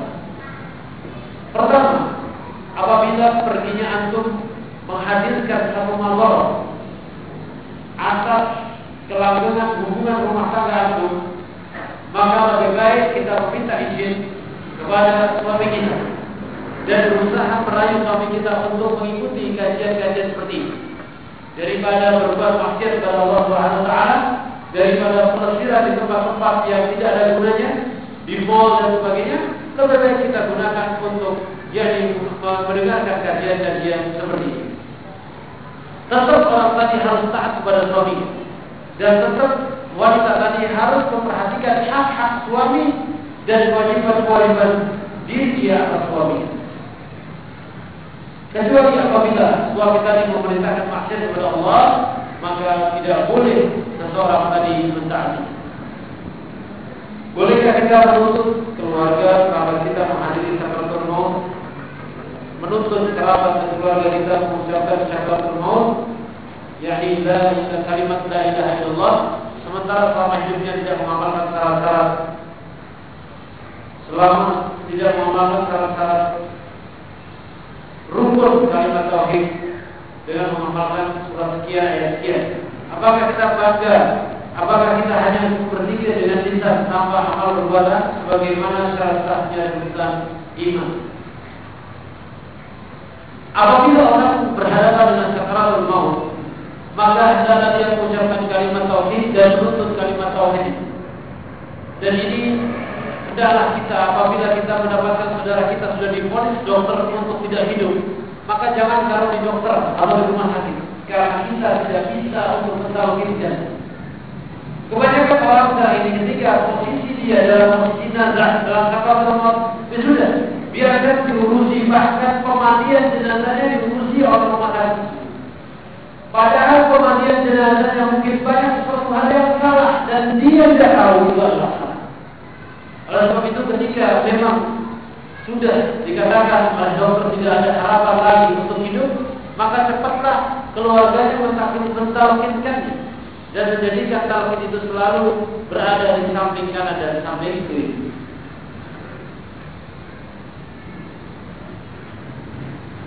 Mengamalkan la ilaha illallah, apakah selama hidup sementara selama hidupnya tidak pernah mengamalkan la ilaha illallah tauhid? Dapat di sini Allah Subhanahu wa taala mereka sudah belajar tauhid, tapi tauhid yang mereka yang mereka dalami adalah salah. Jadi kewajiban kewajiban kita adalah memperbaiki tauhid itu kepada Allah Subhanahu wa taala.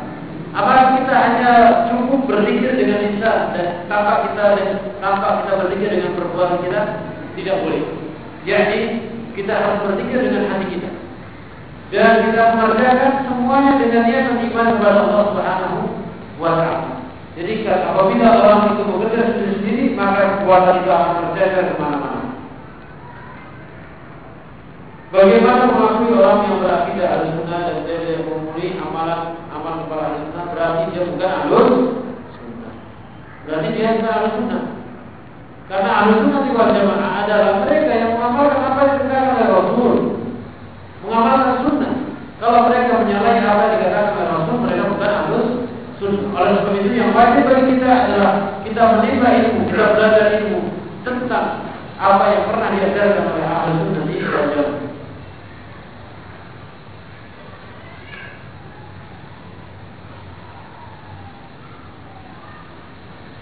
Dijelaskan tentang surat Yasin 69 ayat 69 dan 70. Bagaimana bunyi? Yasin 79 80.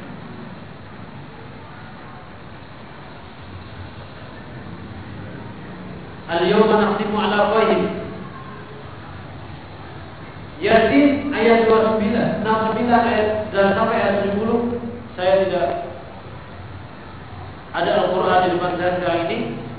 Namun Allah Subhanahu Wa Taala menjelaskan tentang banyak hal yang terdapat dalam surat Yasin.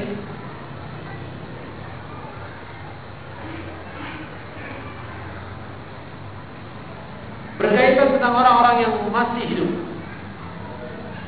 Tetapi orang membaca surat Yasin ini pada peristiwa-peristiwa yakni pada peristiwa-peristiwa untuk bukan orang yang hidup, akan tetapi untuk orang-orang yang mati. Oleh sebab itu para pembaca Yasin seharusnya membaca lebih dalam makna surat Yasin ini. Apakah surat Yasin ini untuk orang hidup atau untuk orang yang telah meninggal? Jawabannya adalah mereka yang membaca surat Yasin di rumah-rumah mereka dan tidak membacanya di kuburan itu adalah salah satu bentuk membaca Al-Quran Karim seperti yang pernah diterangkan oleh ayat-ayat sebelumnya. Surat Yasin 20 وإن كانت إلا صيحة واحدة فإذا هم قاملون يا حسرة على العباد يأتيهم yaitu hikmah dari Rasulullah dalam bentuk tanda-tanda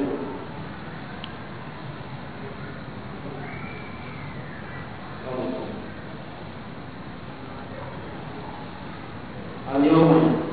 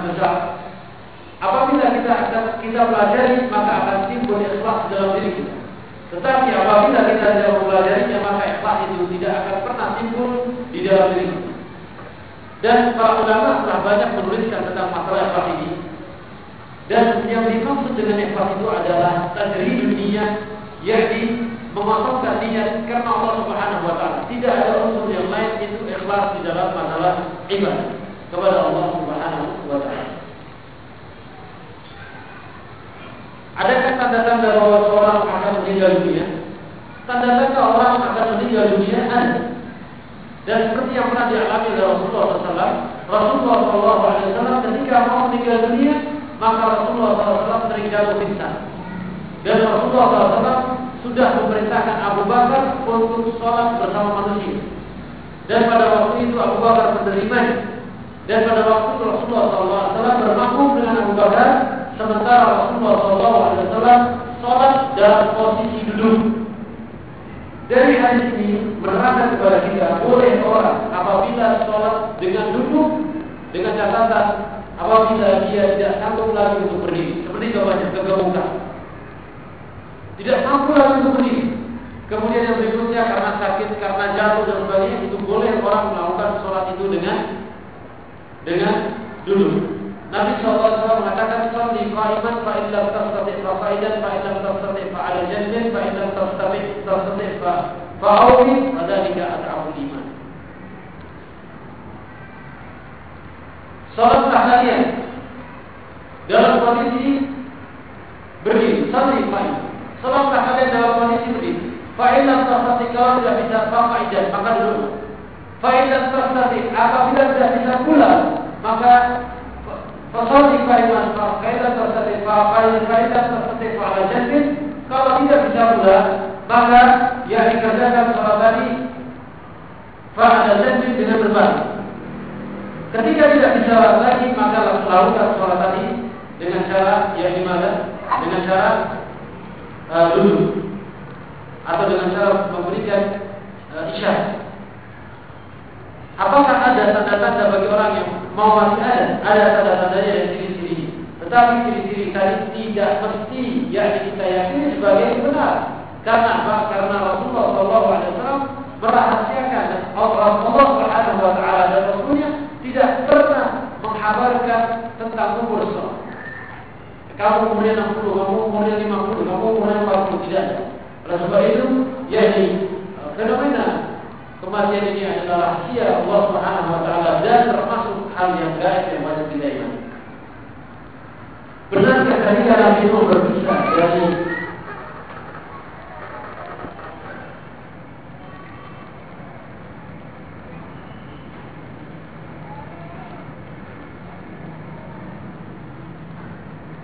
Benarkah ketika Nuh berpisah dari badan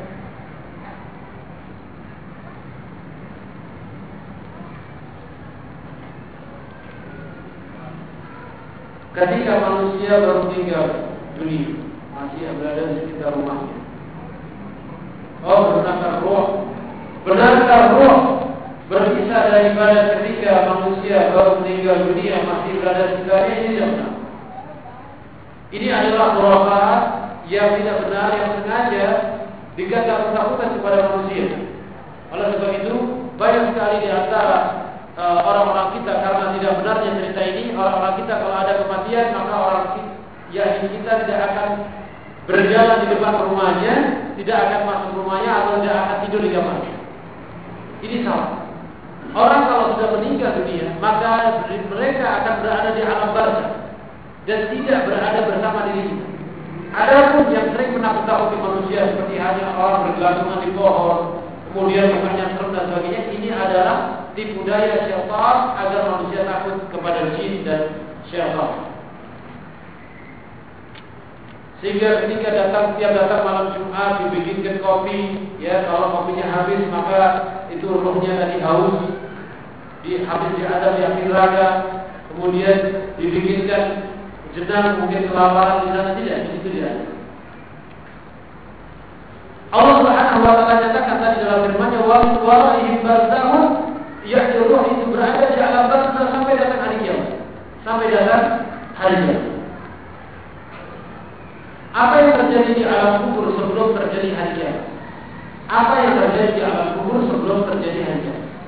Seperti yang saya katakan tadi, apabila orang itu sudah dikuburkan di kuburan, maka dia akan didatangi dua malaikat. Azraqati aswada. Malaikatnya ini warnanya biru sampai dan akan ditanyakan di sana pertanyaan-pertanyaan kubur. Man rabbuka siapa Tuhan kamu? Wa ma dinuka dan apa agama kamu? Wa ma nabiyuka apa uh, nabi kamu? Setelah itu, ya setelah itu, apabila orang tadi bisa menjawab pertanyaan kubur, maka orang tadi akan diberikan kenikmatan berupa tidur pulas. Disebutkan dalam hadis Nabi yang dilakukan oleh Anas bin Malik tadi dari baginya adalah sahih. Ketika seseorang berada di alam kubur dan mendapatkan kenikmatan kubur, maka orang tadi izin kepada malaikat, wahai malaikat, minta izin kepada Allah Subhanahu wa taala supaya aku bisa kembali kepada keluargaku dan untuk mengabarkan kepada kepada mereka semua aku telah mendapatkan kenikmatan di alamku. Malaikat mengatakan, jangan tidurlah engkau dengan tidur yang sangat pulas seperti tidurnya pengantin baru yang tidak berani orang membangunkan kecuali istrinya. Lihat tidurnya pengantin baru. Apakah ada pertuanya atau orang tuanya membangunkan dia yang sedang mengantin baru dari tidurnya? Paling tidak, kalau orang itu mengantin baru, dia akan pisah dulu dari orang tuanya berbulan madu. Ke mana perginya? Baru balik lagi. Setelah menjadi pengantin lama, baru balik lagi. Malaikat penuh tidur, orang yang mendapatkan kenikmatan kubur tadi, tidurlah kamu, tidur. Nabat al-haus, hatta yab'athallahu ta'ala min madjahika yaumal qiyamah. Itu dalam lafaz tadi. Sehingga Allah Subhanahu wa taala membangkitkan kamu dari tidurmu di hari kiamat. Artinya tidur yang dialami oleh orang, istirahat, mendapatkan kenikmatan di alam kubur, seterusnya didapatkan oleh orang tadi sampai datang hari kiamat. Sampai datang hari kiamat. Oleh sebab itu, orang mengatakan kuburan sebagai tempat peristirahatan, istirahat ya istirahat yang tidak diganggu oleh anak-anak. Antum sekarang istirahat, sedikit-sedikit anak antum nangis, sedikit-sedikit anak antum mulai, sedikit-sedikit antum akan mendengar suara bisik di luar. Tetapi ketika antum beristirahat di alam kubur, maka tidak ada yang mengganggu sedikit pun. Dan kondisi di alam kubur tadi, seperti yang saya sebutkan tadi, Orang yang baik, orang yang beriman kepada Allah, dia akan mendapatkan nikmat-nikmat yang luas. Dan akan mendapatkan baunya surga. Sehingga bau yang wangi ini sempat menjadikan dia tidur sampai ketika Allah Subhanahu wa taala menunjukkan sangkakalanya mereka mengatakan ada apa ini? Ada apa ini? Seperti sepertinya mereka baru tidur kemarin. Sepertinya mereka baru tidur kemarin. Kemudian orang yang mendapatkan azab di alam kubur selalu berdoa di dalam kuburannya, Ya Allah, mata saat bangkitkan kiamat dengan segera supaya aku tidak pernah menderita dengan siksaan-siksaan kubur ini. Dikatakan siksaan kubur yang mereka dapatkan salah satunya yakni Allah Subhanahu wa taala akan merubah amalan dia yang jelek menjadi orang yang jelek rupa dan memikul, dan memikul palu.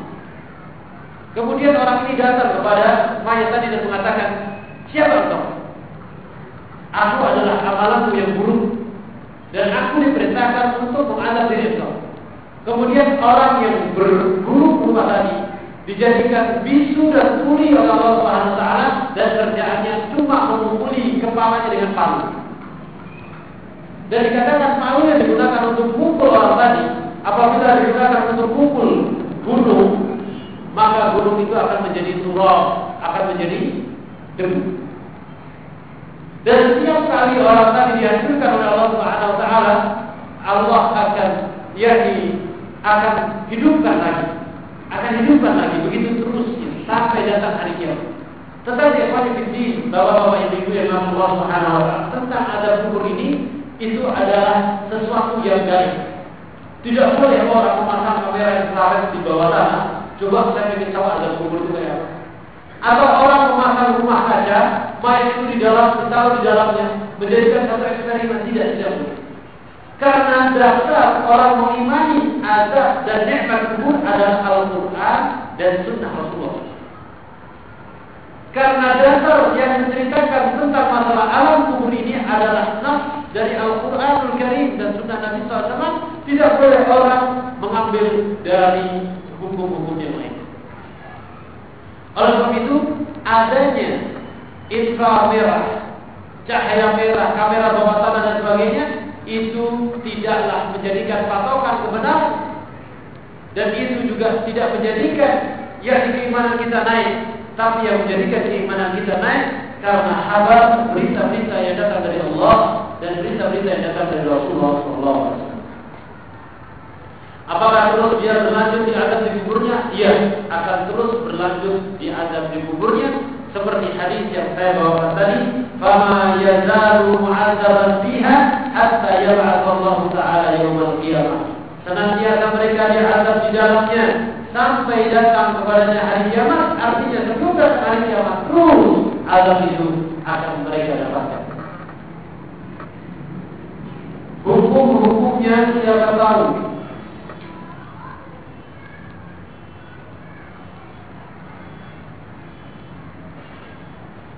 Hukum-hukumnya siapa tahu nanti mereka bisa meratapi dan berpikir lebih kritis adalah berpakaian dengan yang ini dan jelas Saya mau tanya dua ini punya anak laki-laki bagaimana? Nanti kalau dikasih laki-laki, saya ingin pun ingin tahu doa untuk punya anak perempuan. Kalau sudah dikasih tahu perempuan, Nanti saya punya ingin anak kembar.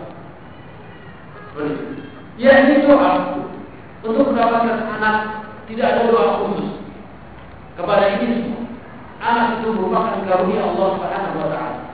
Ya Rasulullah Allah memberikan rezeki kepada hambanya kepada hambanya yang Allah Subhanahu wa taala kehendaki.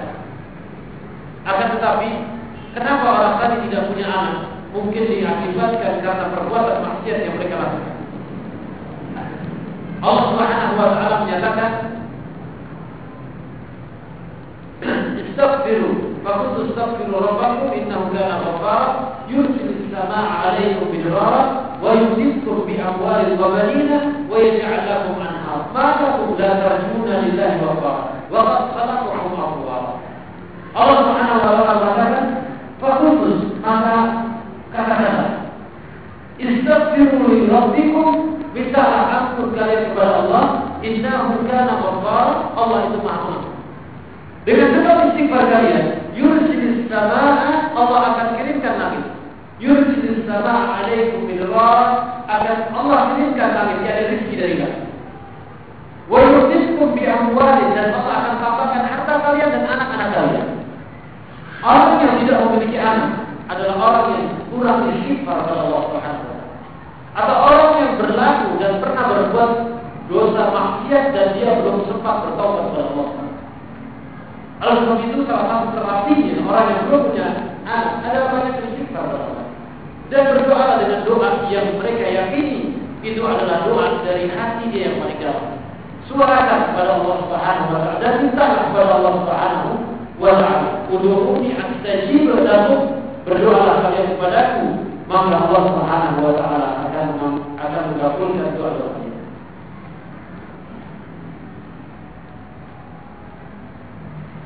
Apa sebab kalau orang yang meninggal mata terbelalak? Sebab orang yang meninggal mata terbelalak seperti yang digambarkan dalam hadis Rasulullah SAW ketika Allah Subhanahu Wa Taala ingin mencabut roh. Kalau rohnya itu adalah roh yang baik, maka malaikat yang mencabut roh ini akan datang membawa kain kafan putih dari surga yang berbau harum Kemudian malaikat tadi akan menunggu di depan dia, menunggu di langit. Ya. Dan malaikat itu sangat besar sekali. Kemudian setelah itu malaikat mau datang menghampiri orang tadi. Kemudian roh tadi ditarik sampai ke kepala. Ketika roh itu ditarik sampai ke kepala, malah tadi mengikuti roh yang diterbangkan, ditaruh di kain putih yang dibawa oleh malaikat. Itulah yang menyebabkan orang yang mati itu terbelalak karena matanya mengikuti ruh yang keluar dari jasad. Seperti hanya Rasulullah SAW pernah ditampakkan perjalanan seperti ini, perjalanan yang pernah ditampakkan oleh Allah Subhanahu Wa Taala dan Allah dan Rasulullah SAW mengatakan kepada para sahabatnya tentang masalah kematian ini. Yakni ketika kematian itu datang maka akan ada malaikat maut berdiri di depan kepala kita dan mencabut yakni roh tadi. Sehingga menjadikan mata dia terbelah. Tetapi ikhwan fillah yang Allah Subhanahu wa taala apabila kita bertanya kepada tentang roh itu bentuknya bagaimana itu adalah rahasia yang Allah Subhanahu wa taala rahasiakan yashaluna ka'anil roh wal roh min amri rabbih Ketika mereka semua bertanya tentang masalah roh, maka jawab bahwa Muhammad roh itu adalah urusan Allah Subhanahu wa taala dan tidak boleh orang untuk memperdalam tentang masalah roh. Dan apakah kalau orang meninggal dengan senyum menghadap ke kanan itu tandanya dia sering meninggal meninggalkan dunia? Wallahu a'lamu bishawab. Apabila orang meninggal dengan kondisi demikian, mungkin dia adalah orang yang baik dan sebagainya, itu tergantung amalan yang mereka amalkan di akhir hayat. Apabila orang itu antara dia dengan kematian tidak ada jarak kecuali satu jengkal, satu jengkal itu digunakan untuk berbakti kepada orang tua dan berbuat baik kepada orang tua atau berbuat baik kepada Allah Subhanahu wa taala taat kepada Allah, maka insya Allah itu adalah husnul khatimah. Tetapi antara dia dengan kematian satu jengkal saja, yang dia berbuat maksiat kepada Allah, maka dia bukan termasuk orang yang baik seperti yang Allah Subhanahu wa taala katakan.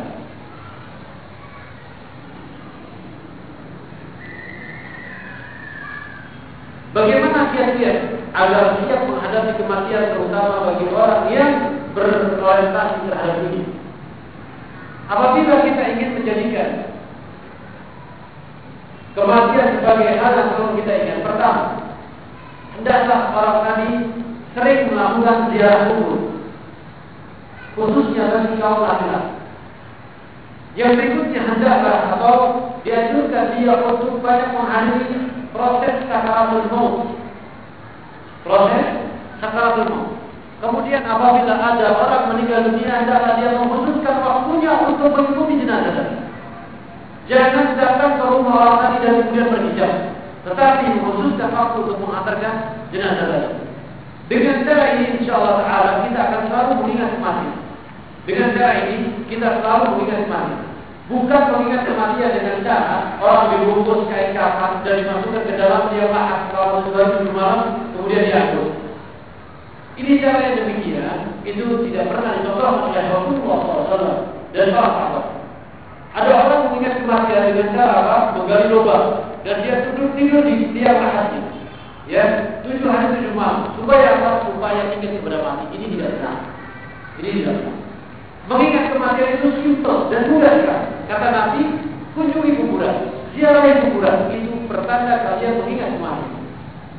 Dengan banyak kita mengingat kematian, maka semakin banyak ketaatan kita kepada Allah Subhanahu wa taala. Pada saat meninggal ada ada ada kubur. Apa yang ada ada kubur. Apa yang dianggap? Jasad atau roh? Saya katakan tadi ada kubur itu berlaku untuk roh dan jasad sekaligus. Itu pendapat yang selama ini saya pegang. Karena pendapat itu sangat kuat kan bayangkan salah satu hadis yang menguatkan pendapat ini adalah hadis yang saya bacakan tadi tidak apabila salah seorang di antara kalian dikuburkan, maka akan datang kepada dia dua malaikat. Akan datang kepada dia dua malaikat. Lantas kedua malaikat tadi, kedua malaikat tadi yuhidanihi wa yujlisanihi. Mendudukkannya ya mendudukkan dan membangkitkan orang tadi yuhidani mendudukkan orang tadi menunjukkan bahasanya yakni malaikat tadi mendudukan orang tadi berpengaruh kepada rohnya atau jasadnya kepada jasad. Kemudian hadis Nabi Shallallahu Alaihi Wasallam yang lain juga yang menceritakan tentang perjalanan roh. Ketika roh itu sudah diambil oleh Allah Subhanahu Wa Taala dan dihadapkan oleh Allah Subhanahu Wa Taala dan dia termasuk orang baik kata Allah Subhanahu Wa Taala tulislah amalan hambamu di dalam kitab yang dinamakan Al-Injil. Kemudian kembalikan rohnya kepada jasadnya seperti yang Allah Subhanahu wa taala janjikan kepada diri Dan mereka berada di alam barzakh. Oleh sebab itu, kepada sini Allah Subhanahu wa taala bagaimana azab kubur itu terjadi pada rohnya dan jasadnya sekaligus.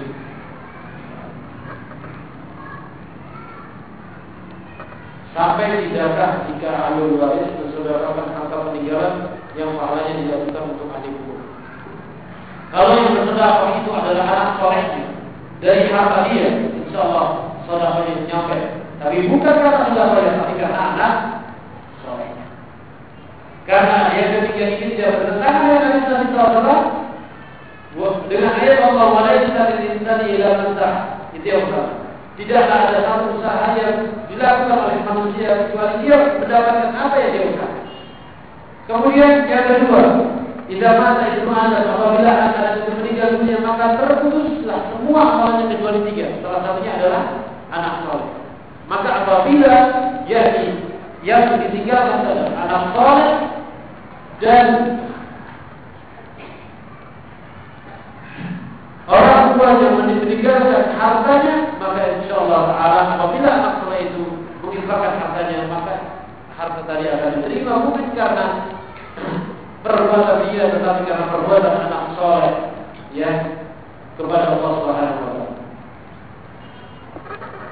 Ustaz katakan roh adalah roh orang beriman tidur. Anak baca dalam satu kitab jika roh beriman saling berkunjung dengan kondisi keluarga yang akhirat benar tidak? Saya katakan mereka adalah tidur, artinya mereka istirahat dan roh itu disimpan oleh Allah Subhanahu wa taala dan akan bertemu dengan orang tidur itu memang ada riwayat. Jadi seorang yang tidur bisa bertemu dengan orang dengan roh orang yang mati. Tetapi perbedaannya roh orang yang mati tidak bisa diajak bicara. Orang roh orang yang sudah mati tidak bisa diajak bicara. Kalau ada kita bermimpi bertemu dengan roh dan roh tadi bisa bicara, ketahuilah itu adalah syaitan yang berubah menjadi wujud saudara kita yang meninggal. Oleh sebab itu Islam dalam masalah penegakan wahyu, Islam tidak pernah mengajarkan wahyu itu diambil dari mimpi. Diambil dari mimpi. Karena apabila wahyu itu diambil dari mimpi, banyak sekali mimpi-mimpi yang itu merupakan buku daripada syaitan. Meskipun mimpi tadi, yakni dilakukan oleh orang yang soleh, tetapi ada buku-bukunya dari syaitan. Ada buku-bukunya dari syaitan. Dan dalam masalah penegakan wahyu Allah Subhanahu wa taala tidak boleh orang menegakkan wahyu itu dari mimpi. Karena mimpi itu adalah yakni mimpi itu tidak semuanya adalah wahyu dari Allah atau tidak semuanya firman Allah Subhanahu wa taala.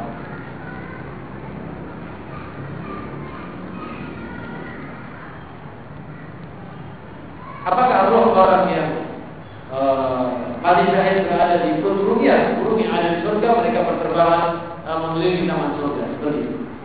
Itu di alam kubur buku ini di dalam di, di dalam buku ini di alam tulis apa maksudnya? Kalau dia tidak keluar maka kamulah yang harus melakukannya. Kalau kan pengalaman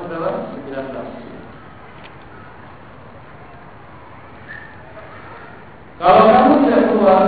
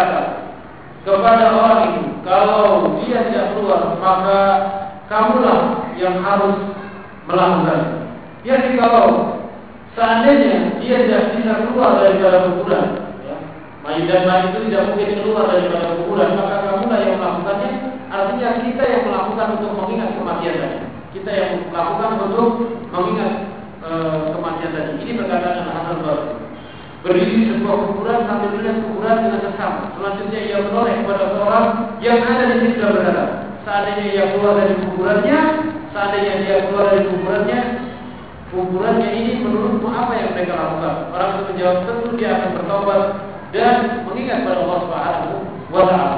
Dan kalau dia tidak keluar untuk melakukan itu semua dan itu tidak mungkin, maka kamu yang masih hidup harus bertobat dan e, bertakwa kepada Allah Subhanahu wa taala. Ini perkataan Imam Hasan al-Basri. Kalau mereka bisa keluar dari kuburan ini dan itu tidak mungkin.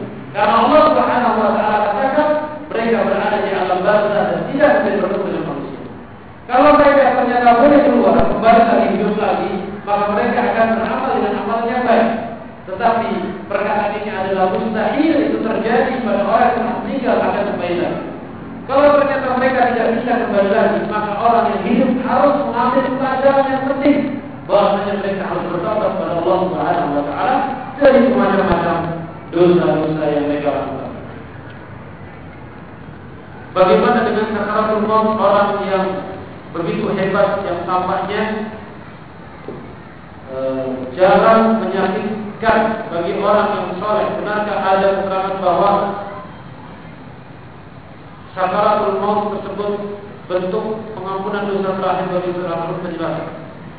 Ada satu riwayat satu asal dari seorang sahabat Rasulullah SAW yang bahwasanya sakaratul maut itu merupakan penyempurna dari uh, dosa yang belum ditaubatkan oleh Allah oleh yang pun diampuni oleh Allah Subhanahu wa.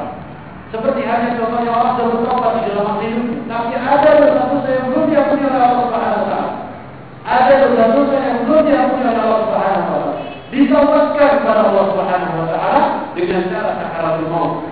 Sehingga dalam perkataan seorang sahabat mengatakan bahwasanya tobat bahwasanya kondisi sakaratul maut yang menimpa seorang, kondisi sakaratul maut yang menimpa seorang mukmin itu adalah kabar gembira bagi seorang. Karena Allah Subhanahu wa taala akan mengangkat derajatnya di surga. Allah Subhanahu wa taala akan mengangkat derajatnya di surga dan Allah Subhanahu wa taala akan meringankan adabnya yakni ketika dia berhak untuk menerima adab. Itu fungsi daripada sakaratul maut. Di dalam buku ini di halaman 19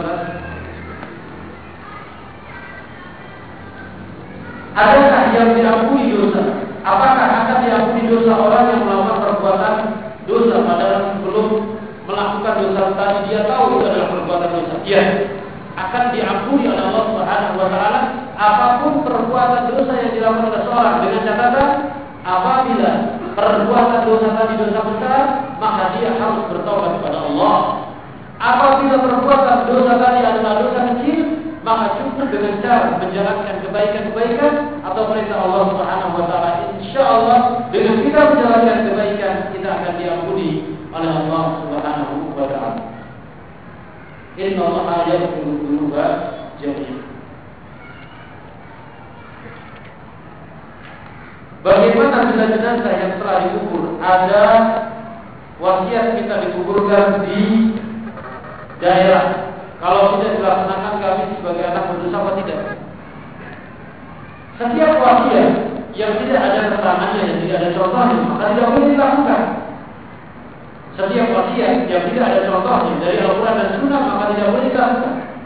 Kullu syartin ma laysa fi kitabillahi wa huwa batil.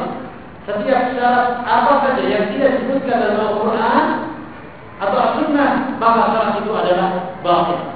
Dan apabila seseorang berwasiat kepada anaknya untuk mengumpulkan di daerah, maka tidak perlu kita menggubris wasiat tadi, karena wasiat itu bertentangan dengan sunnah Rasulullah Shallallahu Alaihi Wasallam. Bayangkan sekarang, kalau orang tadi meninggal dan dibawa ke daerah berapa biaya yang luar biasa. Sementara hak seorang mayit apabila hendak dikuburkan pertama kali maka pertama kali bagi mayit dan ahli warisnya untuk membereskan semua utang. Untuk membereskan semua utang. Utangnya beres semua. Setelah utangnya dibereskan, baru jenazahnya itu dimandikan dan dikafani. Setelah dikafani, dikafani dikuburkan. Kalau ini sudah selesai, maka boleh kita memikirkan yang lain tentang bagi warisannya dan sebagainya. Tapi hak seorang mayit apabila dia meninggal pertama kali kita harus dia mengeluarkan utangnya di mana saja. Karena utang ini akan menyebabkan dia terkatung-katung tidak akan mendapatkan kebahagiaan, kegembiraan atau mendapatkan surga Allah Subhanahu Sebagai orang yang baru memahami sunnah, apa yang harus dilakukan terhadap lingkungan seperti ngaji, buat orang tinggal dan lain sebagainya. Pertama, wajib pahamkan kepada mereka agama yang benar. Dan tirulah para nabi, para nabi dan para rasul ketika mendakwakan Islam dengan benar. Para nabi dan para rasul mereka mendakwakan Islam tidak pernah bosan. Dan mereka tidak pernah punya pikiran kejar target. Yang mereka pikirkan bagaimana umat ini bisa kembali kepada Allah, bisa rujuk kepada Allah, bisa yakni Kembali kepada fitrah mereka yang Islam. Itu saja yang mereka lakukan. Banyak orang sekarang ini merasa dia sudah ngaji, merasa dia sudah pinter, maka maka mereka melakukan overacting. Semua orang tidak baik kalau tidak mau tidak baik di tiga. Dikatakan sudah tidak sunnah lagi, tidak tidak lagi ya. Tetapi jadikan antum sebagai para nabi dan para rasul yang selalu berlasih kasihan kepada umat. Laqad ja'akum rasulun min anfusikum harisun 'alaihi ma'rifatum.